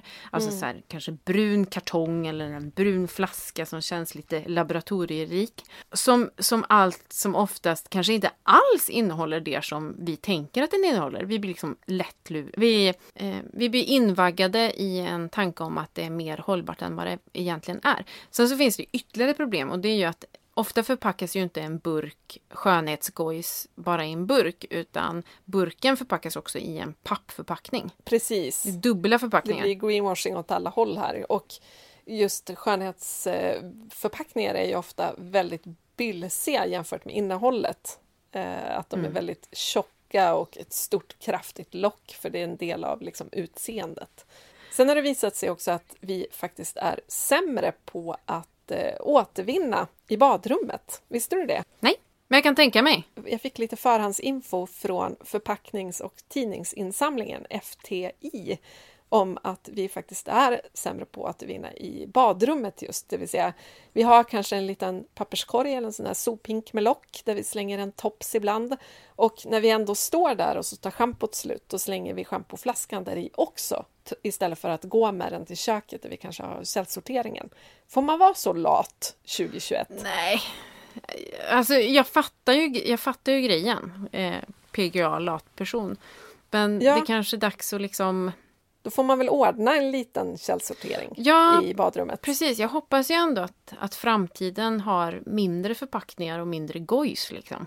Men vi kommer ju in på det snart i plan B, när vi ska liksom gå loss på hur vi tror att plan B-livet ser ut. Men ja, det är väl förhoppningen. Verkligen, så det, det ska man ju tänka på i alla fall att, att det är klart att vi ska återvinna så mycket som möjligt, särskilt med tanke på hur mycket förpackningar det är som har med skönhet och badrummet att göra. Men också ifrågasätta hur förpackningen, vad den har för funktion. Jag måste, ja, nu blir det lite off topic här, men, men när jag jobbade på modemagasin så fick man testa en del eh, olika skönhetskrämer. Ehm, eh, och jag fick testa en svindyr lyxkräm. Alltså jag vet inte, den kostar typ kanske upp mot 2000 spänn, helt galet. Som kom i en ganska stor burk, så man bara fan jag får mycket för pengarna här, trots att den var så jävla dyr. Så öppnar man, skruvar av locket och i den här förpackningen så är det bara en liten ytterpytte liten, liten burk då med det här sjukt exklusiva som skulle kunna liknas vid typ rysk kaviar. Eh, det, det är liksom känslan, man bara ja. Men, men En liten klutt kräm till ens helt normal stora face. ja, sitt stora face. Eh, och det, alltså, och jag fattar grejen, man vill få känslan av att det känns sjukt exklusivt. Men den var svintung, den var svinstor, man bara, alltså transporterna för att Ja. frakta den här mega stora burken lyx. Hallå? Det, fördelen är väl kanske att den inte innehöll så himla mycket onödigt vatten då, om det var så lite. Ja, det gjorde För det en säkert. annan, Ja, för det är, ju, det är ju nästa problem som vi faktiskt tänkte ägna ett helt avsnitt åt, så vi kommer inte att prata så mycket om det nu. Mm. Men vatten, det är ju nästa grej i det här. Mm. Att väldigt, väldigt mycket av de skönhetsprodukter vi köper som schampo, krämer och allting är ju, består ju till stor del av vatten som vi bara fraktar runt, runt på jorden utan egentligen anledning. Mm. Och vi duschar för ofta och för länge. Eh, Vi spolar ut en massa skönhetsprodukter i avloppet med miljögifter och allt. Och så spolar vi toan med dricksvatten. Helt rimligt. Ah. Eller vänta. Samtidigt som människor har liksom svårt att få tag i dricksvatten. Och ja, vi behöver dricksvatten för att överleva. Så att vi kanske ska gå en vända kring kvarteret och liksom mala det här ett varv eller två. Men det här kommer vi som sagt att göra ett eget avsnitt om. Vi vill bara påminna om att köp inte vatten i onödan. Nej, Slösa inte med vattnet, utan eh, var rädd om det. Det är en resurs som vi inte har hur mycket som helst av, inte ens i Sverige. Alltså norm, normen är en daglig dusch, det är det som är fräschör. Då, då tar man hand om sin hygien. Man duschar inte när behovet uppstår. Eh, typ, jag är skitig, jag luktar illa, jag behöver en dusch. Utan man, man duschar i förebyggande syfte. Där har vi något som verkligen inte funkar i förebyggande syfte. Det, det går liksom inte att förebygga smuts med en dusch. Det finns någon sån här lukta gott-norm i att man alltid ska vara liksom men som en fräsch nyponros. Eh, i, liksom från, från eh, en fräsch nyponrosig morgondagg. Typ den feelingen. Ja, exakt. Det är ju inte doft av människa vi snackar här, utan det är ju morgondagg. Nej precis, och det, jag tror inte att det är någon som vill luk- lukta typ så här gammal hårskalp, det är typ mitt värsta. Men, Nej, åh, gud. förlåt, eh, men förlåt för den eh, bilden jag placerade där. Alltså, men, men jag tror också så här, vi kanske ska ta lite piano. Ja men verkligen, alltså, f- för precis som du säger, normen är inte liksom bra hygien, utan det är överdriven hygien. Vi behöver ju inte gå tillbaka till någon slags så här 1700-tal när man pudrade över skiten och hoppades att ingen skulle märka det, utan det handlar ju helt enkelt bara om att ta ner det på en rimlig nivå. Är det inte sjukt då, för att återkoppla till diskussionen i början om eh, Ashton Kutcher och Mila Kunis, att det blir liksom en grej Ja. Av att de duschar sina barn när de är lortiga, inte liksom som en, en daglig rutin. Det, är, det är faktiskt helt eh, galet. Mina barn badar absolut inte varje dag. Nej, gud nej, inte mina heller. Alltså, herregud, det är ju en kamp. Alltså varför utsätta sig för den kampen? Nej, gud, de, ja, och så blir de skitiga på en gång. Nej, eh, men och nu kommer jag bli lortemma med hela svenska folket. Men jag tror också att vi måste ifrågasätta normen att duscha varje dag. Och vilka produkter vi använder som gör att vi måste. Eller att vi känner att vi måste eh, duscha varje dag. Mycket är det ju att man är så, ja men säg att man tvättar håret så ofta för att man faktiskt använder så mycket produkter att det känns skitigt fast det inte är det. Eller man använder en kräm som gör att man känner att man återfuktas men att krämen på lång sikt torkar ut. Alltså det är ju liksom... Ja, vi är liksom fast i konsumtionen. Bryt er loss, för fasen. Inklusive jag själv. Ja, men jag tänker också på skönhetsnormen. Vi har ju pratat om det lite innan här, men också att vi ska se så unga ut. Alltså normen är att vara slät och oförstörd och vi pumpar in fillers och botox och vi ska bli av med påsar under ögonen. Och helt plötsligt så liksom stöps vi in i liksom en form där ingen har en bekymmersrynka. Nej. Och vet ni, det bekymrar mig. jag får en ännu djupare bekymmersrynka över det här. För att också så här, alltså vi har skönhetsnormer som säger att påsar under ögonen är fult. Nu, ja, vet ni, jag tycker påsar under ögonen är skitfint. Ja, men det här blir ju också, jag menar du har två döttrar, jag har en. Ja. Och mm, alltså, jag oroar mig. Eh, Ja, jag oroar det- mig för att jag, jag tyckte att jag kände press i tonåren över att se smal och liksom snygg och glammig ut på diverse vis. Men den pressen är ju ingenting mot vad den är idag. När liksom, med sociala medier och alltihopa. Och att även skönhetsindustrin, alltså när vi växte upp så var det ju ändå, liksom, det hörde ju ändå till någon slags eh, kändisundantag att man skönhetsopererade sig. Det var ju ingenting som gemene man gjorde. Och nu är det ju, alltså nu gör tonårstjejer fillers. Ja. Alltså det är ju helt stört. det, är, det är norm. Det är norm. Det är norm, ja, det är norm att inte ha bekymmersrynka. Exakt. Vilket, och det är fan alltså. Och så, jag tänker också så här, vad ska jag säga till mina döttrar när de växer upp? Alltså de ifrågasätter ju när jag står och sminkar mig. Varför gör du så där? Ja, exakt. Varför då? Man bara, jag har ingen bra svar på det. Alltså så här, Nej, Ja. jag vet. Man har inget då- bra svar. Man bara, ja, jag känner mig fin, men då säger man ju an- ja, samtidigt att, att och utan smink känner jag mig inte fin. Så det vill man ju inte säga. Exakt. Och de här generna som jag har har jag fört vidare till dig. Så, så nu ska du börja oroa dig för det som jag oroar mig för.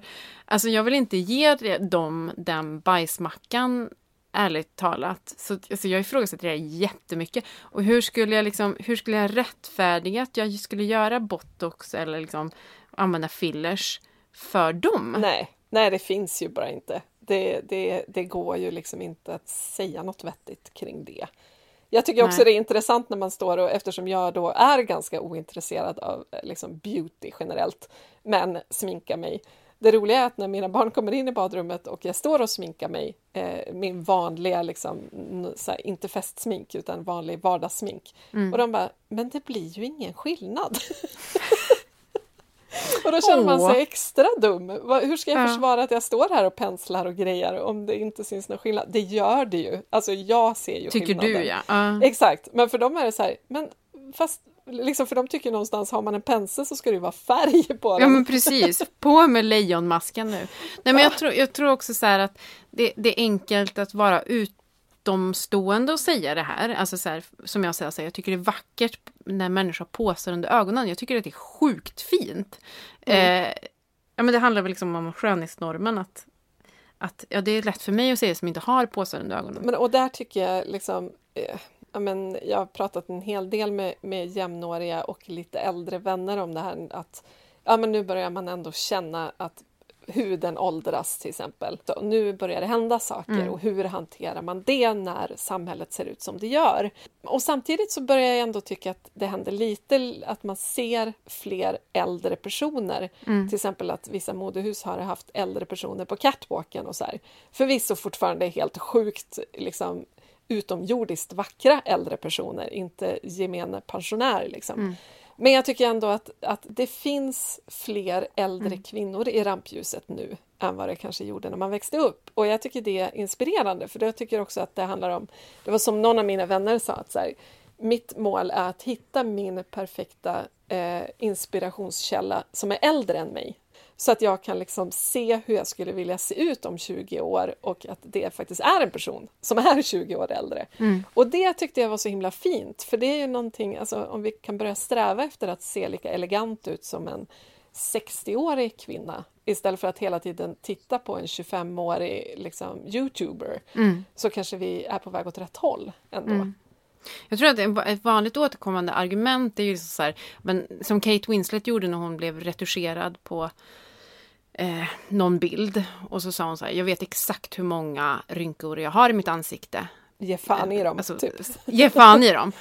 Och då tror jag så här, en vanlig, ett vanligt återkommande argument är just det där, men hon är ju skitsnygg. Ja, I så här, det, man visar upp de skitsnygga, rynkiga, naturliga eh, skönheterna. Liksom. Och så blir det också ett, ett, ett liksom, jag tror att det blir svårt att, att liksom stå där med sin haka som man kan spela banjo på och känna att så här, man är, man är liksom, man är inte, man är liksom en minoritet precis. kring de som inte har gjort någonting åt det. Och det är väl det som är problemet, är att vi matas i att normen är slät, snygg eller jävligt snygg naturligt åldrande och sen så åld- råkar man åldras på helt fel sätt. Liksom. Men och sen så där är ju också en del av det. Det är ju inte så att jag går ut och bara kollar in min bekymmersrynka, nu ska vi prata om den i, i, i tio inlägg på Instagram. Det gör jag ju inte, varför gör jag inte det? Nej, exakt. För det gör man ju inte. Alltså det är klart att man Även jag väljer den, om jag ska lägga upp en bild på mig själv i något sammanhang, att jag väljer den bild som jag själv tycker jag ser finast ut på. Jag tar ju inte Ja. den där dubbelhakan sticker fram eller bekymmersrynkan accentueras av hur skuggorna faller. Liksom. Det gör man ju inte. Och det, det skulle ta så emot, liksom.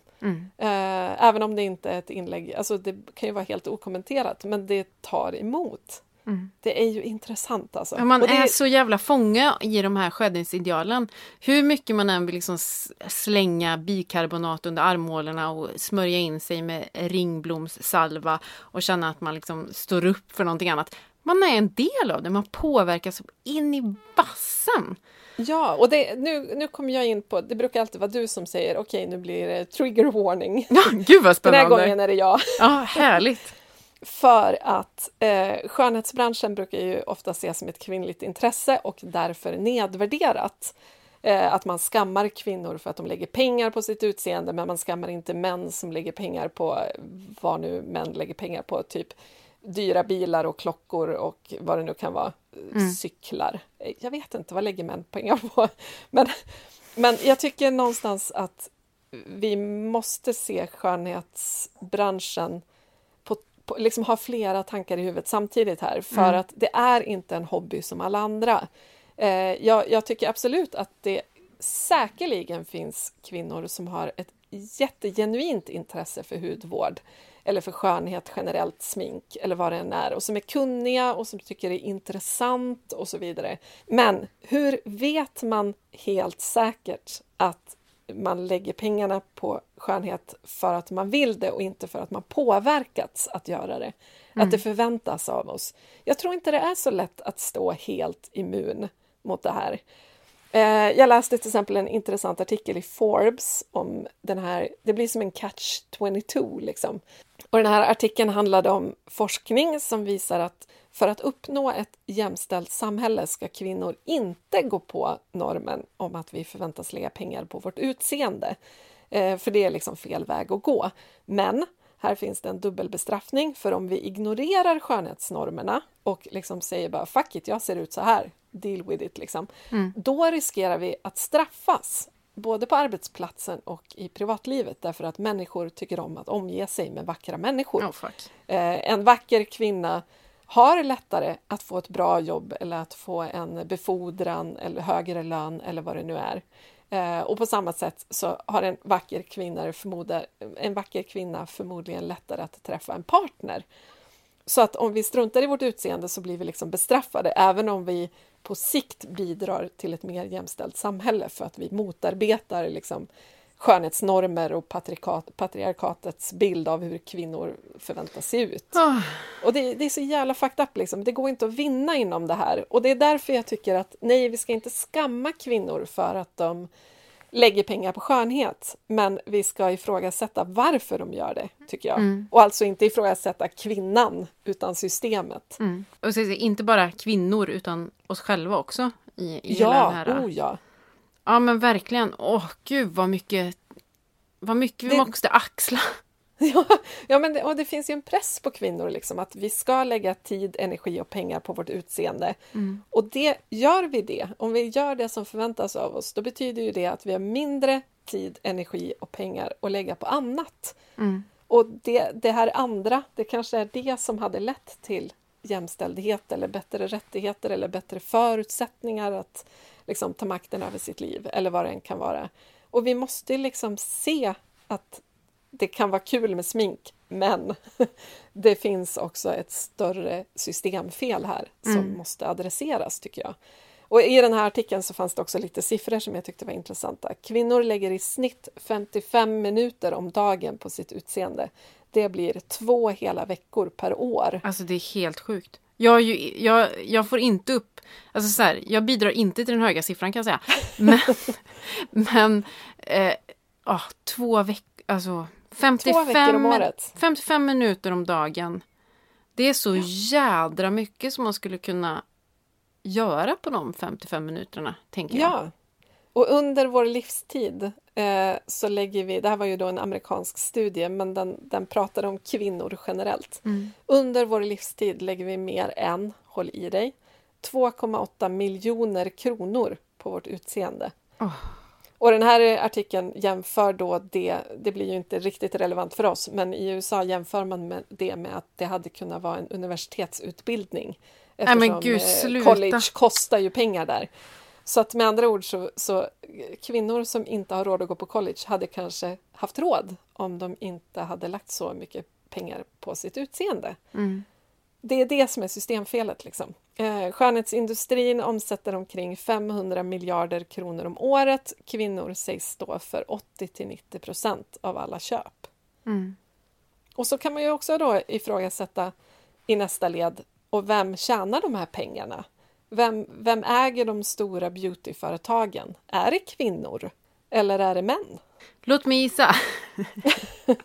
Jag har, jag har faktiskt ingen statistik på det, men eftersom generellt män har mer makt så kan man ju ändå föreställa sig att det är fler män än kvinnor som tjänar pengar på att kvinnor köper skönhetsprodukter. Mm. Ja, så att nej, en hobby får inte nedvärderas bara för att den är kvinnodominerad, men är vi så immuna mot patriarkatet och systemet att vi verkligen kan se det enbart som en hobby? Eller känner vi samtidigt att vi förväntas hålla på med det för att ja, vi ska vara snygga, liksom. Ja, vi kanske ska damma av det här citatet som vi, som vi slänger oss med. Det här med att ha två tankar i huvudet samtidigt. Precis. För det, alltså det är ju en norm. Alltså det är ju inget snack om saken i att man ska se ut på ett visst sätt. Precis. Och där kan jag ju tycka att eh, jag menar, den här podden handlar ju liksom inte om, om jämställdhet och feminism och sånt i första hand. Men den handlar om hållbarhet och hållbarhet är ju inte bara ekologisk hållbarhet utan det är ju också ekonomisk hållbarhet och social hållbarhet. Och i det inkluderas ju jämställdhet och demokrati och liksom eh, lika rättigheter för alla. Apropå Mm. Barn som jobbar i illegala gruvor för att bryta det här majka så att vi kan glittra lite extra på krogen och kanske attrahera en man. Alltså, Eller en kvinna. ja, eller en Nej kvinna. men herregud. Ja, nej men ja, alltså det här är ju... Vi, vi måste Ja. liksom kunna prata om det här utan att bli beskyllda för att skamma kvinnors intressen, tycker jag. Jag tänker att vi vill göra är väl att ifrågasätta normerna. Precis. Jag tänker ofta vad man förväntar sig. Alltså, när jag bodde i Midsommarkransen så gick jag ut en dag helt osminkad. Och sen så mötte jag en bekant som sa så här, men gud är du sjuk? Bara, Nej, jag är bara, det här är bara jag i min renaste form liksom.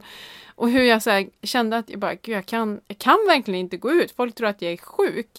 Eh, för att man förväntar sig en Emma Sund med liksom så här, i, i liksom det här piffade paketet. Ja, och det, det är ju helt Men- bisarrt. Det är typ bara vår närmaste familj som ser oss helt osminkade. Ja, just dig och mig ja. Det är ju folk som går osminkade har jag hört.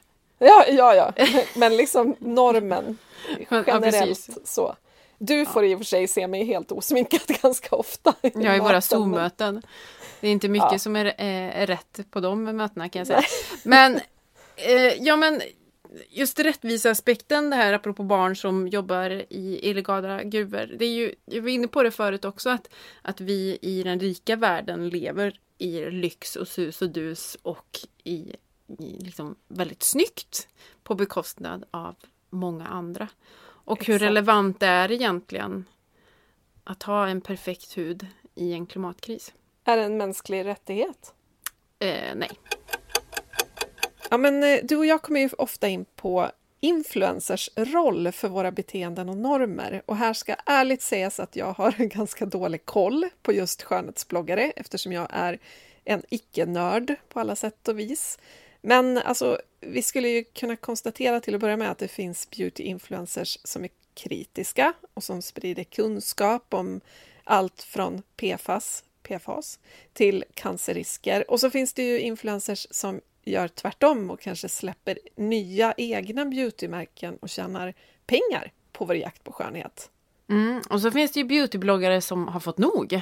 För två år sedan så bestämde sig Anahita Jasti för att sluta blogga om skönhet. Och jag har pratat med henne. Ska vi lyssna? Ja. Hej Anahita! Hej! Du jobbade som skönhetsskribent och drev också en populär blogg om beauty. Men valde att sluta. Varför? Eh, det korta svaret är eh, att det blev för mycket eh, rent ehm, produktutskicksmässigt och eh, informationsflödesmässigt. Att det blev för mycket, för mycket, för mycket. Att de bara, det kändes som att de i princip stod utanför min dörr och bara bankade och skrek. um, så att jag, jag, kände att det var liksom en ohälsosam... Alltså förväntar de sig att jag ska skriva om allt det här och trycka det i mina läsares ansikten? Är det, är det det som förväntas av mig? Det är ju orimligt. Jag kommer inte hinna skriva... Ja. Men också att det... Jag hade under en ganska lång tid skavt och känts obehagligt och, och så. Och sen kom ju sommaren 2018 med skogsbränder och torka och bevattningsförbud och allt sånt där som vi alla minns. Och det, det satte spår i mig. Det, det var bara någonting som skiftade. Jag kände att jag, jag vet inte vad jag håller på med. Varför gör jag det här? Det här är inte det jag vill eh, förmedla. Och sen vid, kring nyår då, eh, ett halvår senare ungefär, så, eh, så skrev jag att jag slutar. Och du valde att sluta blogga, sluta konsumera, sluta flyga och avföljde konton på Instagram. Hur påverkade det dig? Eh, det påverkade mig på så vis att det var en, en enorm lättnad, först och främst. Att sluta flyga var ju spännande för att jag bestämde mig för att fortsätta resa ändå, men med tåg. Så jag åkte med tåg eh, från Stockholm till Paris. Och det var ju väldigt kul att testa på det. Är det så jävla krångligt som alla säger? Är det så dyrt? Är det så besvärligt? Och är flyget så jävla överlägset? Jag upptäckte att det var inte det. Så då kunde jag lägga undan den från min lista över frågor jag har i livet. Och att sluta konsumera var underbart. Eh, jag köpte ingenting alls på ett år. Eh, så att jag hade totalt köpstopp med undantag för livsmedel och medicin och allt sånt där såklart. Eh, jag fick ändå frågor lite då och då, bara, Va, får inte köpa mat? Är du skön? Alltså, det var... vad, tro, vad tror du själv? Gissa, gissa. Sätt dig ner och fundera. Tror du att jag inte kommer köpa mat? Men, men också då att avfölja eh, konton eh, från företag och då Instagram-konton som enbart är fokuserade på produkter. Det var jätte, jätteskönt. Och avfölja, eller så här, avprenumerera på nyhetsbrev. Hett tips också. Att det, det, det gjorde så mycket med mig. Jag har en jämförelse som jag tycker är ganska bra. Det, och det är att det var som en fest eh, som börjar jättebra och känns den full av livsglädje och, och förfesten är ju alltid roligare än själva festen, det vet vi alla. Um, och alla de bästa är där, alla, alla låtar som spelas är dina favoritlåtar och du dricker ditt bästa öl eller din bästa champagne eller vatten. Eh, och sen börjar det allt eftersom spåra ur lite grann och det är för högljutt och man känner att man är nog inte riktigt eh, tillräckligt full för att vara kvar på den festen. Och sen så stänger man dörren, så blir det tyst. Och man inser hur mycket man saknade tystnaden. Ja, det var ju roligt att liksom, vara på en vild fest, men gud vad jag saknar tystnaden. Och sen att sätta sig ner och ta av sig klackarna och knäppa upp bhn och andas ut. Det var verkligen så det kändes. Underbart var det. Vad gjorde det med dig som människa? Alltså att, att från att ha liksom drivit en beautyblogg till att liksom in, och kanske inspirera andra och helt plötsligt sluta med det? Eller synen på dig själv kanske? Ja, bra fråga. Alltså det var, det var framför allt så kände jag... Alltså det är en stark eh, kraft att känna att man gör någonting som medför något gott, att man tillför något snarare än att man tar bort något. Att man tar bort utvecklingspotentialen som finns eh, när man bara fortsätter i samma hjulspår. Det kändes som att jag gjorde något bra. Eh, och det behövde inte vara ens en, en känsla av ideologisk eh, triumf eller vad man ska säga, utan det var, det var också rent personligt att jag jag kände mig mera i samklang med mig själv, den jag egentligen är. eh, och det jag egentligen vill. Det speglade mig mycket bättre att bara, bara skita i allting.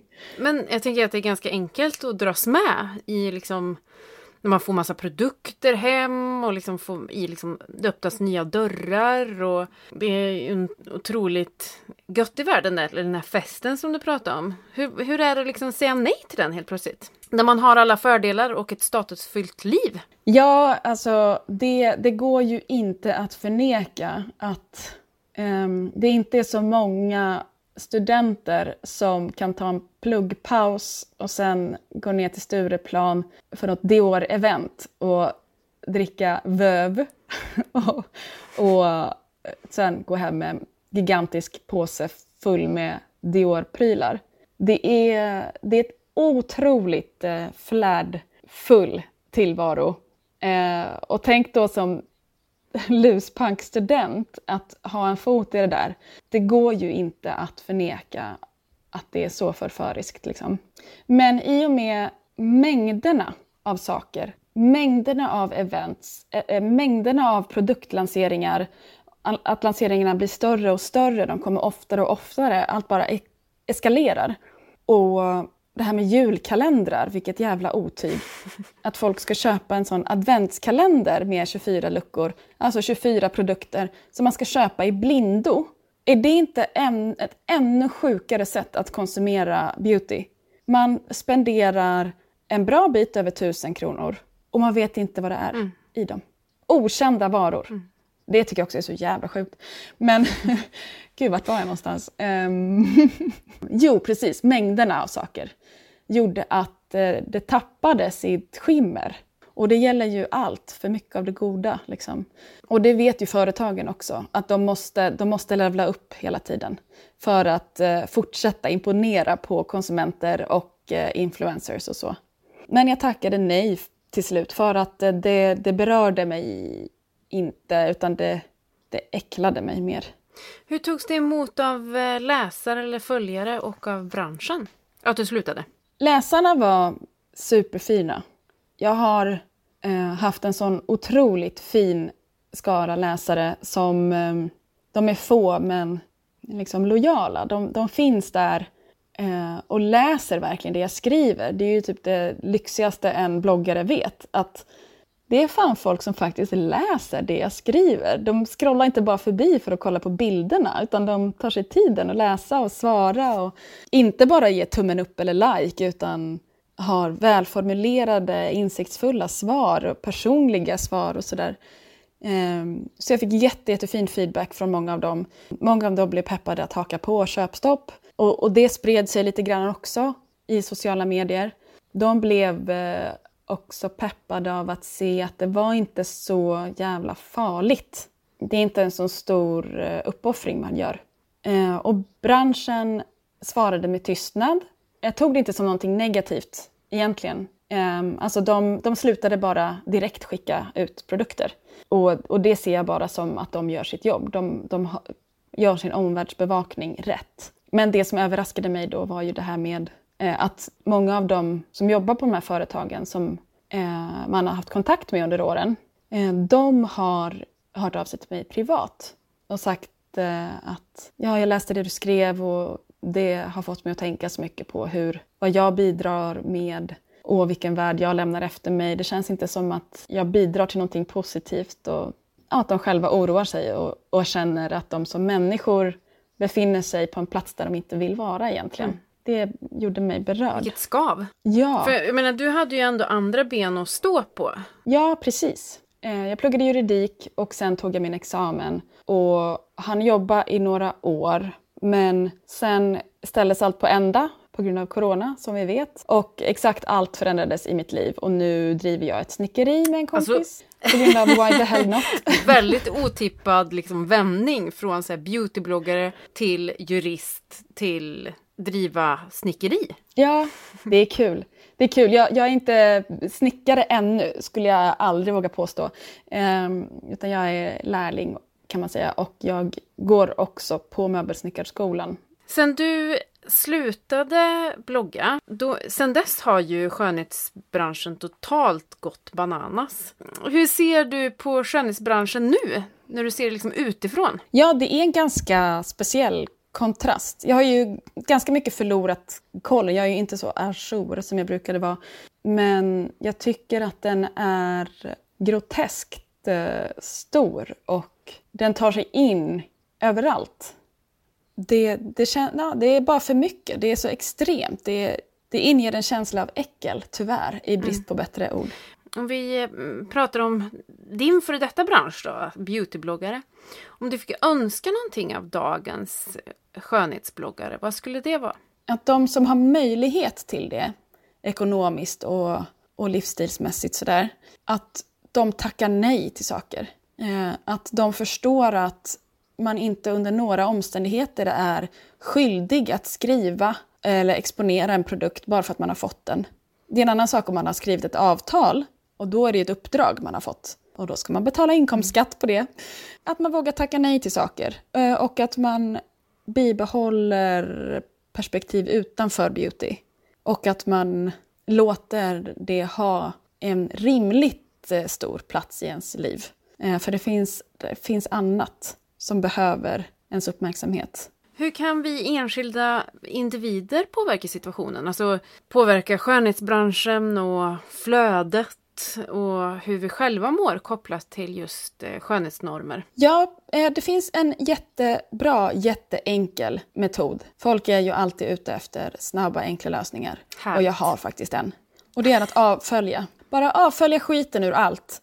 Alla företagskonton, alltså på Instagram, Facebook och alla sociala medier. Man ska avprenumerera alla nyhetsbrev så fort de kommer upp. Direkt bara. Läs inte ens innehållet. Det är bara att ta bort det direkt. Det gäller ju ganska, till ganska stor del också då eh, bloggare och, och folk i branschen, alltså influencers och, och skönhetsbloggare och sådär. Att avfölja de som, i alla fall de som enbart ägnar sig åt produkter och, och ja, men konsumtionsvaror. Och det det gör är att den stänger deras deras viktigaste kanal eh, till ditt inre, till din hjärna och din, ditt liv. Alltså de, de har en sån otroligt stor del av vår uppmärksamhet. För vi sitter ju väldigt många, sitter ju varje dag på sociala medier på ett eller annat sätt och exponeras för de här budskapen. Och då gör det en stor skillnad att, att reducera dem till ett absolut minimum. Det är dels för en själv sinnesro, där man får plats för andra saker i flödet. Andra röster som, som pratar om andra värden, till exempel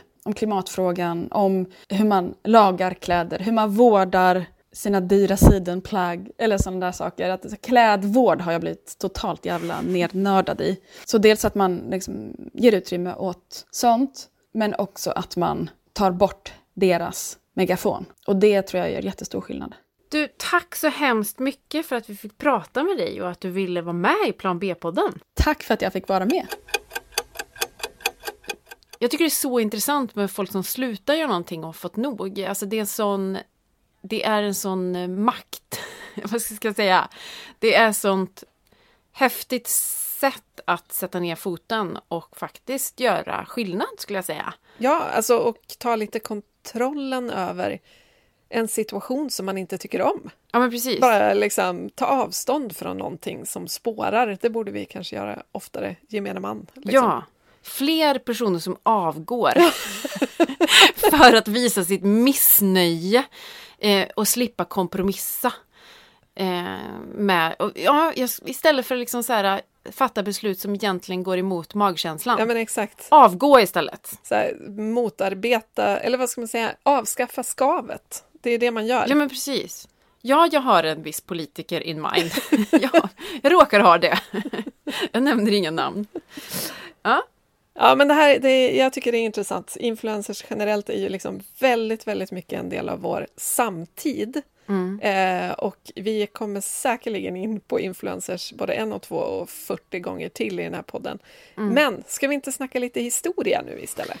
Jo, alltså historia ur ett skönhetsperspektiv. Det här tycker jag är så intressant för det har ju verkligen inte sett ut så här.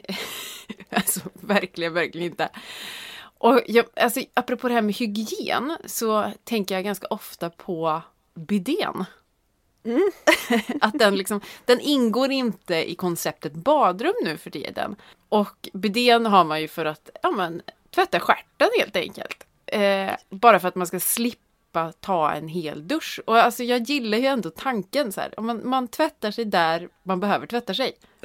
Under armarna och i stjärten. Och sen så är man liksom fresh and good to go. Jag är faktiskt uppväxt i ett hus med en bidé som byggdes nytt när jag var nyfödd, så att det är sent 70-tal. Ja, ja, ja, jag är också uppväxt med bidé. Jag kan inte minnas att jag gjorde, alltså jag använde den så jättemycket än som pool till dockor, men Ja, precis. Och fotbad. Jag vet inte, vi, kan- har vi blivit så pryda att vi inte liksom pratar om bidén? Jag vet inte. Eller för att vi inte ska liksom installera en bidé, eller vad är grejen? det är lite för in your face kanske. Det är så uppenbart att vad den ska användas till. Och, då... In your ass kanske, mer.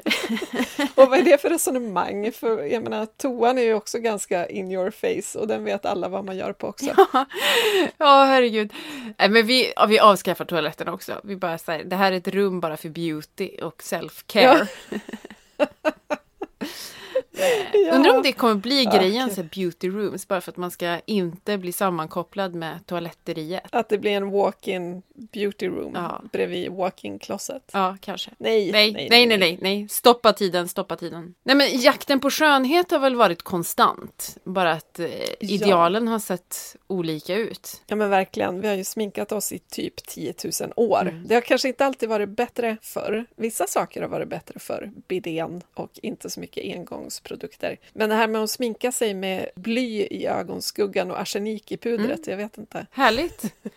Men alltså, nu har vi bara bytt ut ämnena kan man tycka. Ja, FASS eller PFAS är ju, har ju liknats vid vår tids DDT liksom. Så att, Ja, ja, jag ja. vet inte om vi har lärt oss något i vår jakt på skönhet. vi, vi förfasar oss över korsetter och, och liksom det här med att binda fötter som man gjorde i Kina Mm. way back. Och vad gör vi nu?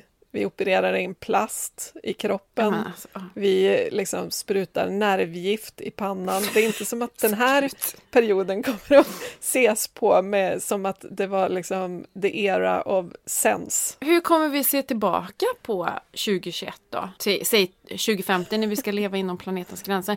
Alltså vi måste ju se tillbaka på den här perioden som att vi typ har skygglappar och proppar, alltså så här, vi är helt liksom emballerade i plast för att ingenting ska komma in. Ja men konsumtionens era på något vis. Vi konsumerade oss till allt och samtidigt gasen i botten mot stupet trots att vi ser vad som är på väg att hända. Liksom. Mm, vi vill inte riktigt se det för att det är lite jobbigt. För då måste vi ge upp 21-stegs eh, skönhetsrutinen och kanske välkomna det naturliga förfallet. För jag tror att det är så många ser det. Men eh, jag tänker att det finns en, något annat där på glänt bakom dörren. Ska vi gå in på plan B-livet eller? Ja, men det tycker jag vi gör. Vad, vad ser du framför dig? Bidén. Bidén gör comeback. Nej, jag ser kanske inte riktigt bidén, men jag kanske ser ett annat sätt att förhålla sig till vatten. Som någonting extremt lyxigt, alltså det här äh, morgonbadet som, som, eller kvällsbadet för den delen. Det kanske mer ska ses som en, en lyx, någonting som man längtar efter. Det tror jag folk gör ändå, även om det är en gång om dagen. Men, men eh, någonting som man längtar efter och verkligen, verkligen, verkligen njuter av. För att det är en lyx. Sen så tror jag också att vi kommer, att, att det kommer vara helt befängt med engångsprodukter. Ja, men verkligen. Jag tror inte ens att det kommer finnas. Alltså så här, det får inte finnas. Plus att flergångsalternativen blir ju bättre och bättre, så snart är det ju en icke-fråga. Hoppas jag i alla fall. Mm. Ja, verkligen. Är det något, är det något flergångs du önskar dig just nu? Gud, vilken bra fråga. Vad vill man ha flergångs av? Är det något som saknas på marknaden? Jag kommer nämligen på... Ja, du kom på en något. grej. Jag tänkte mer att sånt avslöjar man inte i en podd, utan man går och blir rik. Eller? ja precis, exakt. Ja. Men varsågod, du avslöja. Jag tänker, ja men jag skulle vilja ha flergångsplackers. Alltså typ någon form av, eh, det finns säkert, ja, typ någon trähållare som man bara byter, byter ut själva tandtråden. För jag gillar konstruktionen, bara att jag kan inte tänka mig att köpa plastprylar. Nej, det kan jag hålla med om. Bara för att jag ska bara för att jag är lat och inte orkar bara använda tandtråd. Så flergångsplackers, please. Ja, det vore suveränt. Det håller jag med om. Bra, bra grej. Men i övrigt då, alltså flergångs på allt såklart. Sen tänker jag också att förutom det här med att inte bada dygnet runt, Mm. eh, så, så handlar det väl också ganska mycket om vad vi använder för produkter. Att vi inte kommer att frakta vatten, utan att produkterna kanske kommer i så fall i ett pulver och så tillsätter man vattnet själv. Mm. Typ som min deo. Eh, ja, Ja. exakt.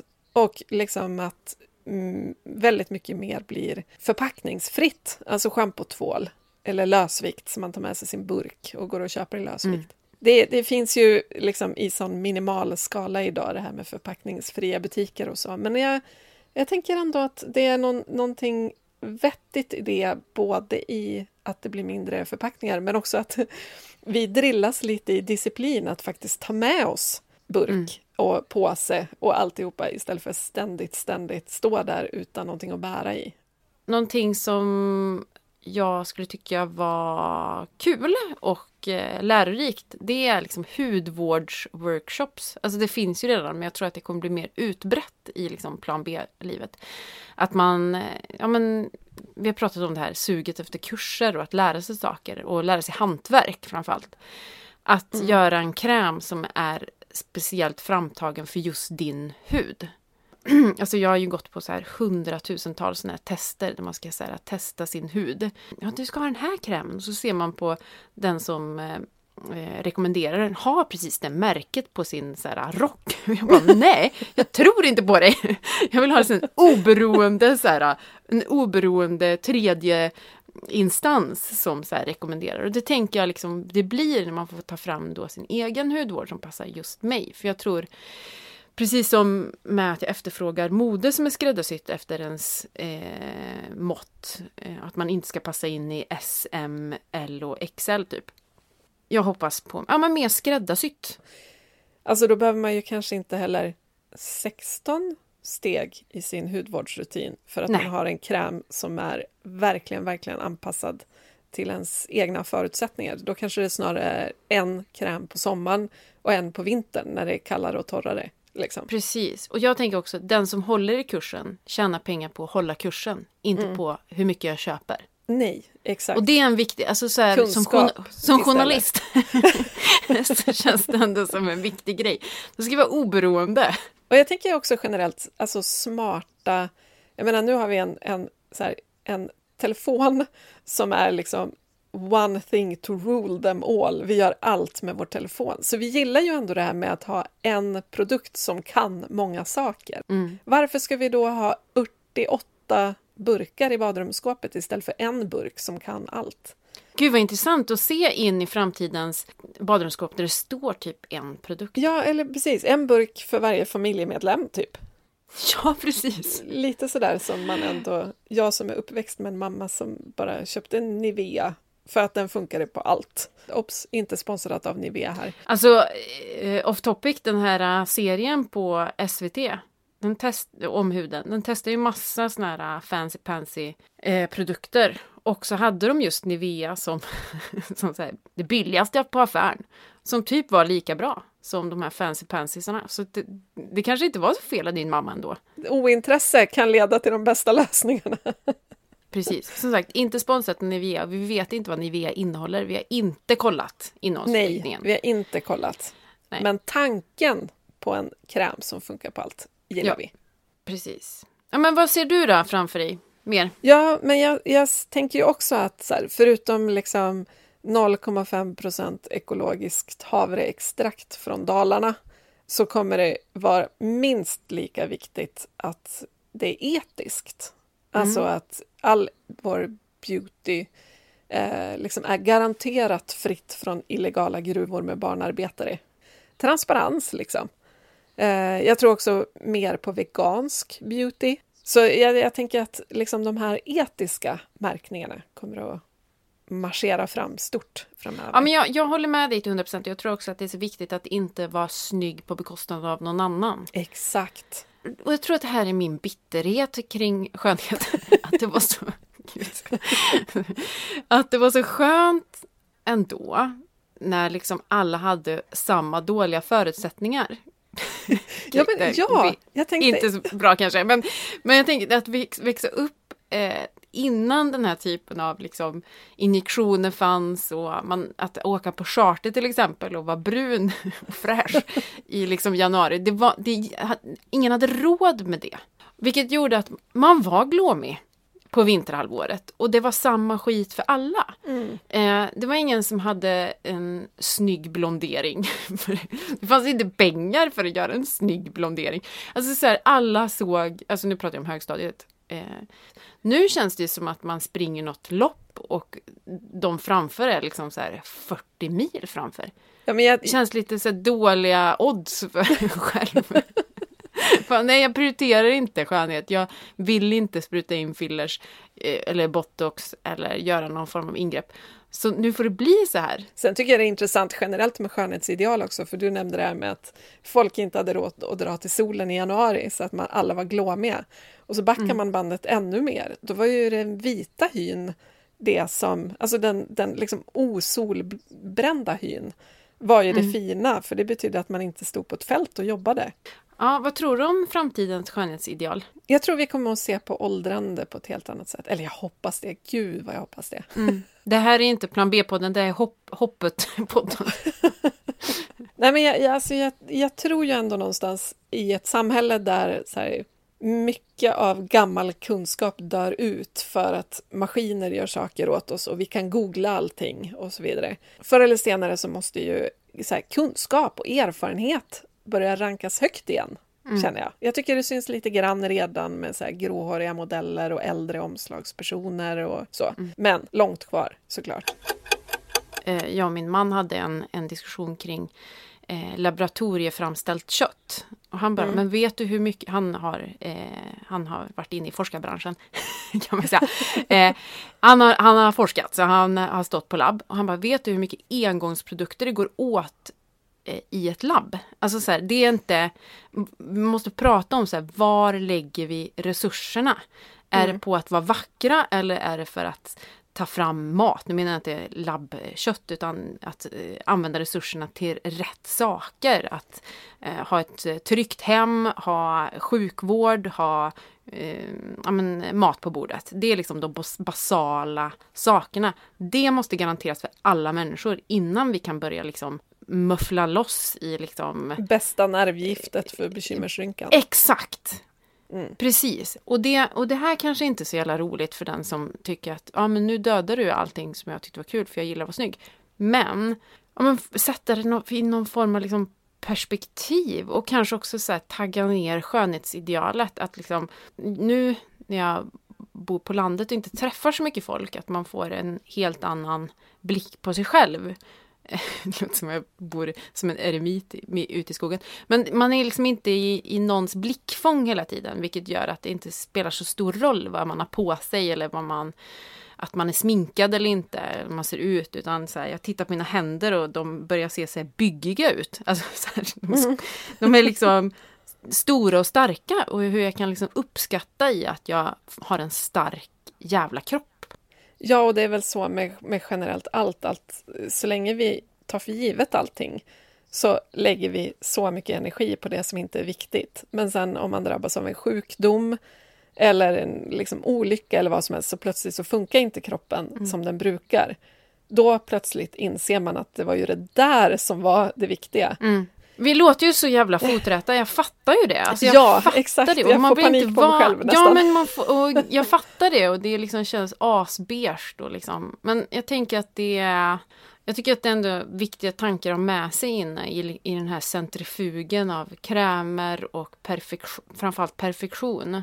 Det är det som till exempel är så härligt när man hänger med ja, men, säg, barndomskompisar en helg och sover och liksom käkar och sådär och alla kommer upp till frukosten och ingen är fixad.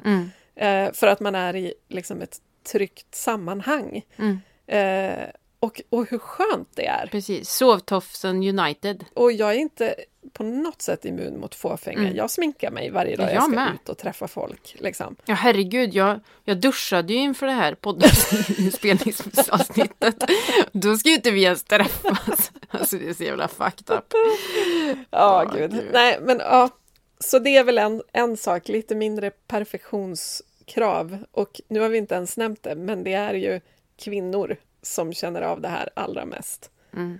Eh, så att det är väl också någon slags så här, jämställdhetsbonus. Om kvinnor inte behöver tänka fullt så mycket på sitt utseende så blir det lika mycket tid över för både kvinnor och män och eh, liksom, icke-binära att lägga tid på det som känns viktigt.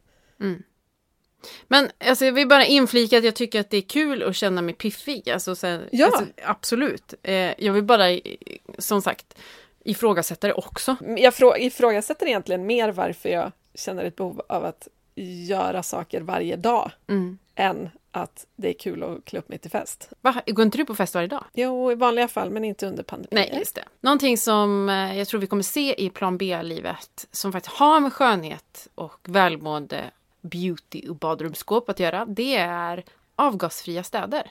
Mm. Det är det som gör att vi vill duscha. Det är det som gör att kanske huden inte känns så fräsch. Har man också sett att eh, den här bullriga staden kan kopplas till Alzheimers. Aha. Mm. Alla vill inte flytta ut på landet för att få frisk luft. Men jag tycker att det är en rättighet, en mänsklig rättighet att kunna andas frisk luft. Ja, men då, här får man väl också kanske lägga till att en fossilfri stad är ju en självklarhet. Typ Ja. imorgon. Ja men precis. Eh, det, men det kanske biter snabbare på folk om vi säger att vi måste ha ett fossilförbud för att annars får vi så dålig hy. Ja, eller Alzheimers. Alltså herregud. Ja. Nu när man har lyssnat på det här avsnittet så känner man kanske eh, det här var ju väldigt intressant, men vad gör jag nu? Exakt, och det betyder att det är dags för Call. Call to to action! Åh, gud så lökigt. Ja. Så lökigt. Vi är inte bara foträtta, vi är lökiga också. Fan Jajamän. fint. Ja. Mm. Och call to action är alltså det vi har ersatt listan med, för vi tänker Mm. att det är roligare att det går rakt på sak och få er att agera på olika vis. Mm. Peka med hela handen, fast på ett vänligt och inspirerande vis. Precis. Punkt 1. Ifrågasätt. Vad innehåller produkten? Och hur ska jag källsortera den här eh, burken eller förpackningen? Jag tänker att företag måste ta ett större ansvar kring de produkter som de producerar. Inte bara fram till hyllan, utan vad händer med produkten när jag är klar med den? Fråga företagen det. Och fråga, vad är det som är ekologiskt med den här? Punkt två. Belasta inte naturen eller vattnet i onödan. Alltså, ta inte onödigt stora mängder produkter, slösa inte på schampo och så vidare. Eh, för allt som spolas ut i avloppet är ju dåligt, helt enkelt. Och eh, eventuella rester i förpackningar, lämna in dem på miljöstationen, till exempel solkräm, nagellack, hårspray, hårfärg, lite såna här läskiga produkter. De ska man lämna in som miljöfarligt avfall faktiskt. Och om det är en slatt ekoschampo som du liksom inte, som du måste göra dig av med, häll inte ut i avloppet utan häll det hellre i hushållssoporna i så fall. För det är bättre att vi bränner det än att det hamnar i vattnet. Jag går rast över på punkt tre. Följ Naturskyddsföreningens Instagramkonto som heter Surface, så jävla bra namn. Där de lyfter just det här med miljögifter.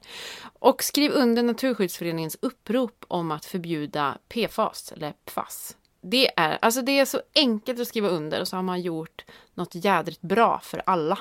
Ja. Så skriv under. Nu, nu, nu, nu, nu. Punkt fyra. När man då väljer produkter, man kan ju börja med att skala ner kanske antalet, men sen när man ska välja någonting, välj väldigt gärna miljömärkt. Och Naturskyddsföreningen säger att i beauty-sammanhang så är bra miljöval och Svanen de allra vassaste märkningarna.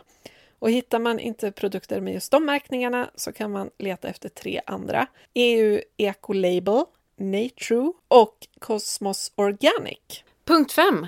Ifrågasätt skönhetsnormerna. Snacka om det här med nära och kära kring hur, ja, men hur skönhetsbranschen kommer se ut, hur den ser ut nu, eh, vad framtiden har i sitt sköte, eh, hur framtidens badrum ser ut, är det bidén som gäller och hur ofta man duschar. Jag menar om det blir sånt rabalder av att två eh, Hollywood-kändisar faktiskt bara duschar sina barn och sig själva när de är lortiga ja, då kanske vi behöver prata om det här ämnet, tänker jag. Punkt 6. Välj ditt flöde. Man kanske faktiskt ska rensa lite bland de konton man följer om man hela tiden får prestationsångest kring hur man ser ut. Eh, det finns ju väldigt mycket intressanta konton att följa som dels inte baserar sig på, på skönhet överhuvudtaget såklart, men också skönhetsinspiration som är- innebär lite mer mångfald. Alltså det kan handla om äldre personer eller det kan handla om personer av en annan hudfärg eller som inte har normkropp. Blanda upp ditt flöde lite så ser du att det finns fler varianter av skönhet än den som samhället har definierat åt oss. Och jag tänker också att jag ska visa min bekymmersrynka lite mer på Instagram. Hold my hand please. Ja, precis. också, tycker jag. Skrattrynkorna också. Punkt sju Sju. är vi på. Ja. Källsortera i badrummet. Vi är ju rent av skitdåliga på att källsortera. Kanske för att vi är lata. Eh, Källsorteringen ligger kanske inte i badrummet. Bädda för att källsortera i badrummet och eh, släng allting på rätt plats.